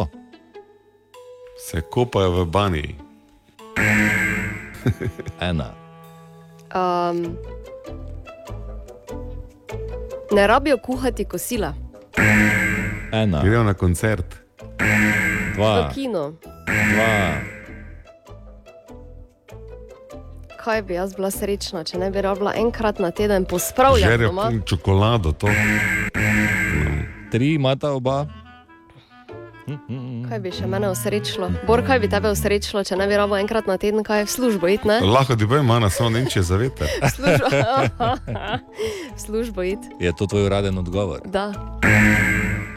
Ki seveda ni pravilen. Štiri. Hm. Uh, hu. Kaj je na mojem Instagramu, ne boste dobeno glaso danes, tako ponavadi. Kje Bor ste vsi? Googla. Kje ste vsi moji? Bor ne google, to ni fair. Odgovori. Ne vem, ker imam samo še en poskus in ne vem, v kaj bi ga investiral. Dobro, mejta danes neomejeno, ampak to ne pomeni 27 poskusov, okay. ne? tam nekje do 10 vaju bom ustavil. Če imajo doma pospravljeno v nulo. Ne, Če jih žena na gnjavi, ne, Če so sami doma, če otrok ni doma, da grejo ven na kavo, da nekaj počnejo, ne, Aha. ne da otrok ni doma. pijo popoldan. ja, da nič ne počnejo, ker otrok ni doma. Ne? Pa to, da ne počnejo nič. Bravo, zmaga. Ampak to samo zato, to samo zato, ker sem dal neomejene poskuse. Ja, vidiš, Bor, če bi bil pravi, bi rabil Ne, samo ne, enega. ne, to samo podpira mojo teorijo. Zakaj omejevati? Ni potrebe. Kaj, Ja, ja, kaj- plačete vsako pet ur? Kaj? Kaj drugače, ne vem. Ko si imel test v srednji, bi tudi ti probal 27 krat, ali si napisal nekaj, pa je to bilo to. Si pravkar primerjal to z testom v srednji šoli? Ja. Ali je vprašanje ali ni. Za mnoge se pogosto vprašam, kako so prišli iz srednje šole, to je tak moment. Hvala. Okay. Dobro jutro. Dobro In jutro. čestitke, Bor. Dobro jutro, želimo. Dobro jutro. Lent po lentu, to obstaja in se dogaja. Namreč včeraj zvečer je bil koncert na trgu Levna Štuklja, uh, piše se leto 2022, Happy Old McVizzle, Elvis Jackson. Uh, in uh, dobili smo tudi izjavo od uh, Gregorja Munija Jančiča, torej frontmana od Happy Old McVizzle, po koncertu, kaj pravi. Iskreno povedano, a, fantastično. Prvi zaradi tega, ker je Maribor spet pokazal, da tudi ko streljajo dol, ne vem, sekire, strele, karkoli dol leti, da vseeno Maribor pride, pa da je poseben. Tudi takrat, ko misliš, da bo pač ne tako dobro, ne, se potem nekako odvije v pravo smer in ful smo veseli. No. Krasno, super je bilo, torej včeraj tudi se sliši v ozadju. Uh, sicer pa, kaj pravijo obiskovalci? Top je bilo. Ja? Ja, ja, v bistvu žena me je presenetila, ker imam jutri rojsten dan, pa ja, dejansko zaradi vizlo. Ja. Super, v bistvu sem prvič na njihovem koncertu. Čula sem že prej za njih, ampak prvič sem na koncertu, pa ne poznam ravno komadov. Super. Ja, jaz sem se imel super, Weasley vedno dobro čago naredijo. Elvis Jackson pa tudi dolgo nisem slišal, tako da. Aj, zelo, zelo fantastično. Zelo lepo, super, gledaj, oni vedno naredijo čago. Zakon so, to so, to so naši mariborčani. Če kdo zna narediti čago, znajo mariborčani. Vsaka jim čast. Pa energija tu noter nenormalna, kako jo naredijo, so to irsko glasbo, so Maribor pa rock and roll, to je to. Vse, kar robi v življenju. torej, pestro je bilo včeraj. Čeprav je bil četrtek, ampak eh, lepo, super. Uh, ne misli, da je to to, ne? nadaljuje se lent po lentu, že danes zvečer, recimo ob 21:30 na trgu Levna Štuklja, Perpetuum Jazzile, vokalna ekstravaganca. Uh, Tako da zagotovo nekaj tudi, kar si je treba ogledati in prisluhniti.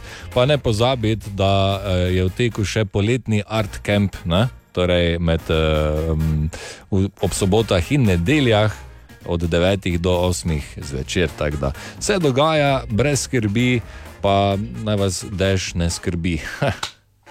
Kakar So. To je ta, to je ta nori, nori stavek, ima dve rime, ne? skrbi se, rima na skrbi. Kaj ne? Ja, če si tako rekel. Kaj sem Ja. rekel? Naj vas ne skrbi. Ja, naj vas ne? ne skrbi, ker nas naj vas ne skrbi. Res, to sem rekel? Ja. Lepo si rekel, vse. Frizerska je bila, pač sorry. Dovolj je, adijo. In tukaj smo, Ana, Bor in Marko. Dobro jutro. Res je, dobro Dobro jutro. jutro. Tako je, pred eh, nekaj dnevi, mislim, da je bilo, ja, smo govorili o tem, da poštarjem v Veliki Britaniji ni lahko. Ne? Zakaj? Ker so pogosto tarča napadov psov. Lani jih je britanski Royal Mail zabeležil kar 1653, kar je dosti, se mi zdi, no? ampak Velika Britanija je Ma, velika. malo več poštarjev ima tudi ne. Ja, uh, kakšno pa je stanje pri nas, ali tudi pri nas psi grizejo in napadajo uh, poštarje? To je preverila Tanja. Tanja, povej. Psi in poštari imajo že od nekdaj ta ljubezensko sovražni odnos. Zakaj psi ne marajo poštarjev? Ja, verjetno ne bomo nikoli vedeli. Glede napadov na poštarje v Mariboru, okolici in Sloveniji smo preverili pri Pošti Slovenije. Tam pravijo, da sicer porasta ne beležijo, tako pa razlaga Matej Šoba iz Pošte Slovenije. V Pošti Slovenije smo v lanskem letu, letu 2021, zabeležili 16 ugrizov psov, v letu predtem, 2020, pa 14 ugrizov. V letu 2019 jih je bilo nekaj več, 23. Na splošno je ugotovitev, da glede na podatke v zadnjem obdobju ne beležimo porasta števila ugrizov psov, jih je pa bilo nekaj več pred pojavom COVID-19. Ja, številka niti približno ni primerljiva s to, ki so jo podali pri kraljevi pošti. Očitno imajo naši slovenski kuški nekaj več potrpljenja s poštari, ali pa so morda uniforme poštarjev v Sloveniji prijaznejše. Morda so tudi pismonoši bolj prijazni do psov.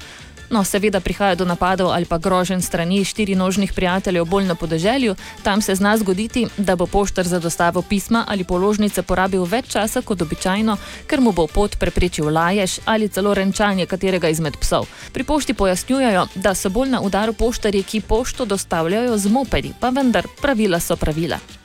Sicer velja, da je pismonoša dolžan dostaviti pošiljko, ko njegova varnost ni ogrožena. Pismonoši imajo navodilo, da v primeru, da so ogroženi pri dostavi pošiljk, to sporočijo vodi pošte, ki se potem z lastnikom psa dogovorijo o zagotovitvi varnega dostopa do hišnega predalčnika oziroma nabiralnika. Zato morda na svet vsem poštarjem vedno imejte kak priboljšek pri roki, tako za vsak primer. In pa seveda za vse ostale ne pozabiti.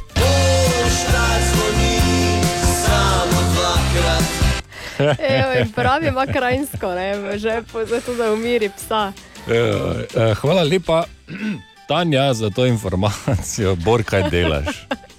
Bor ima salamo v ustih in miga sem in tako kot pes. Glej, sploh nimam besed več, adijo. Dobra, mali in stari. Podcast jutranje ekipe.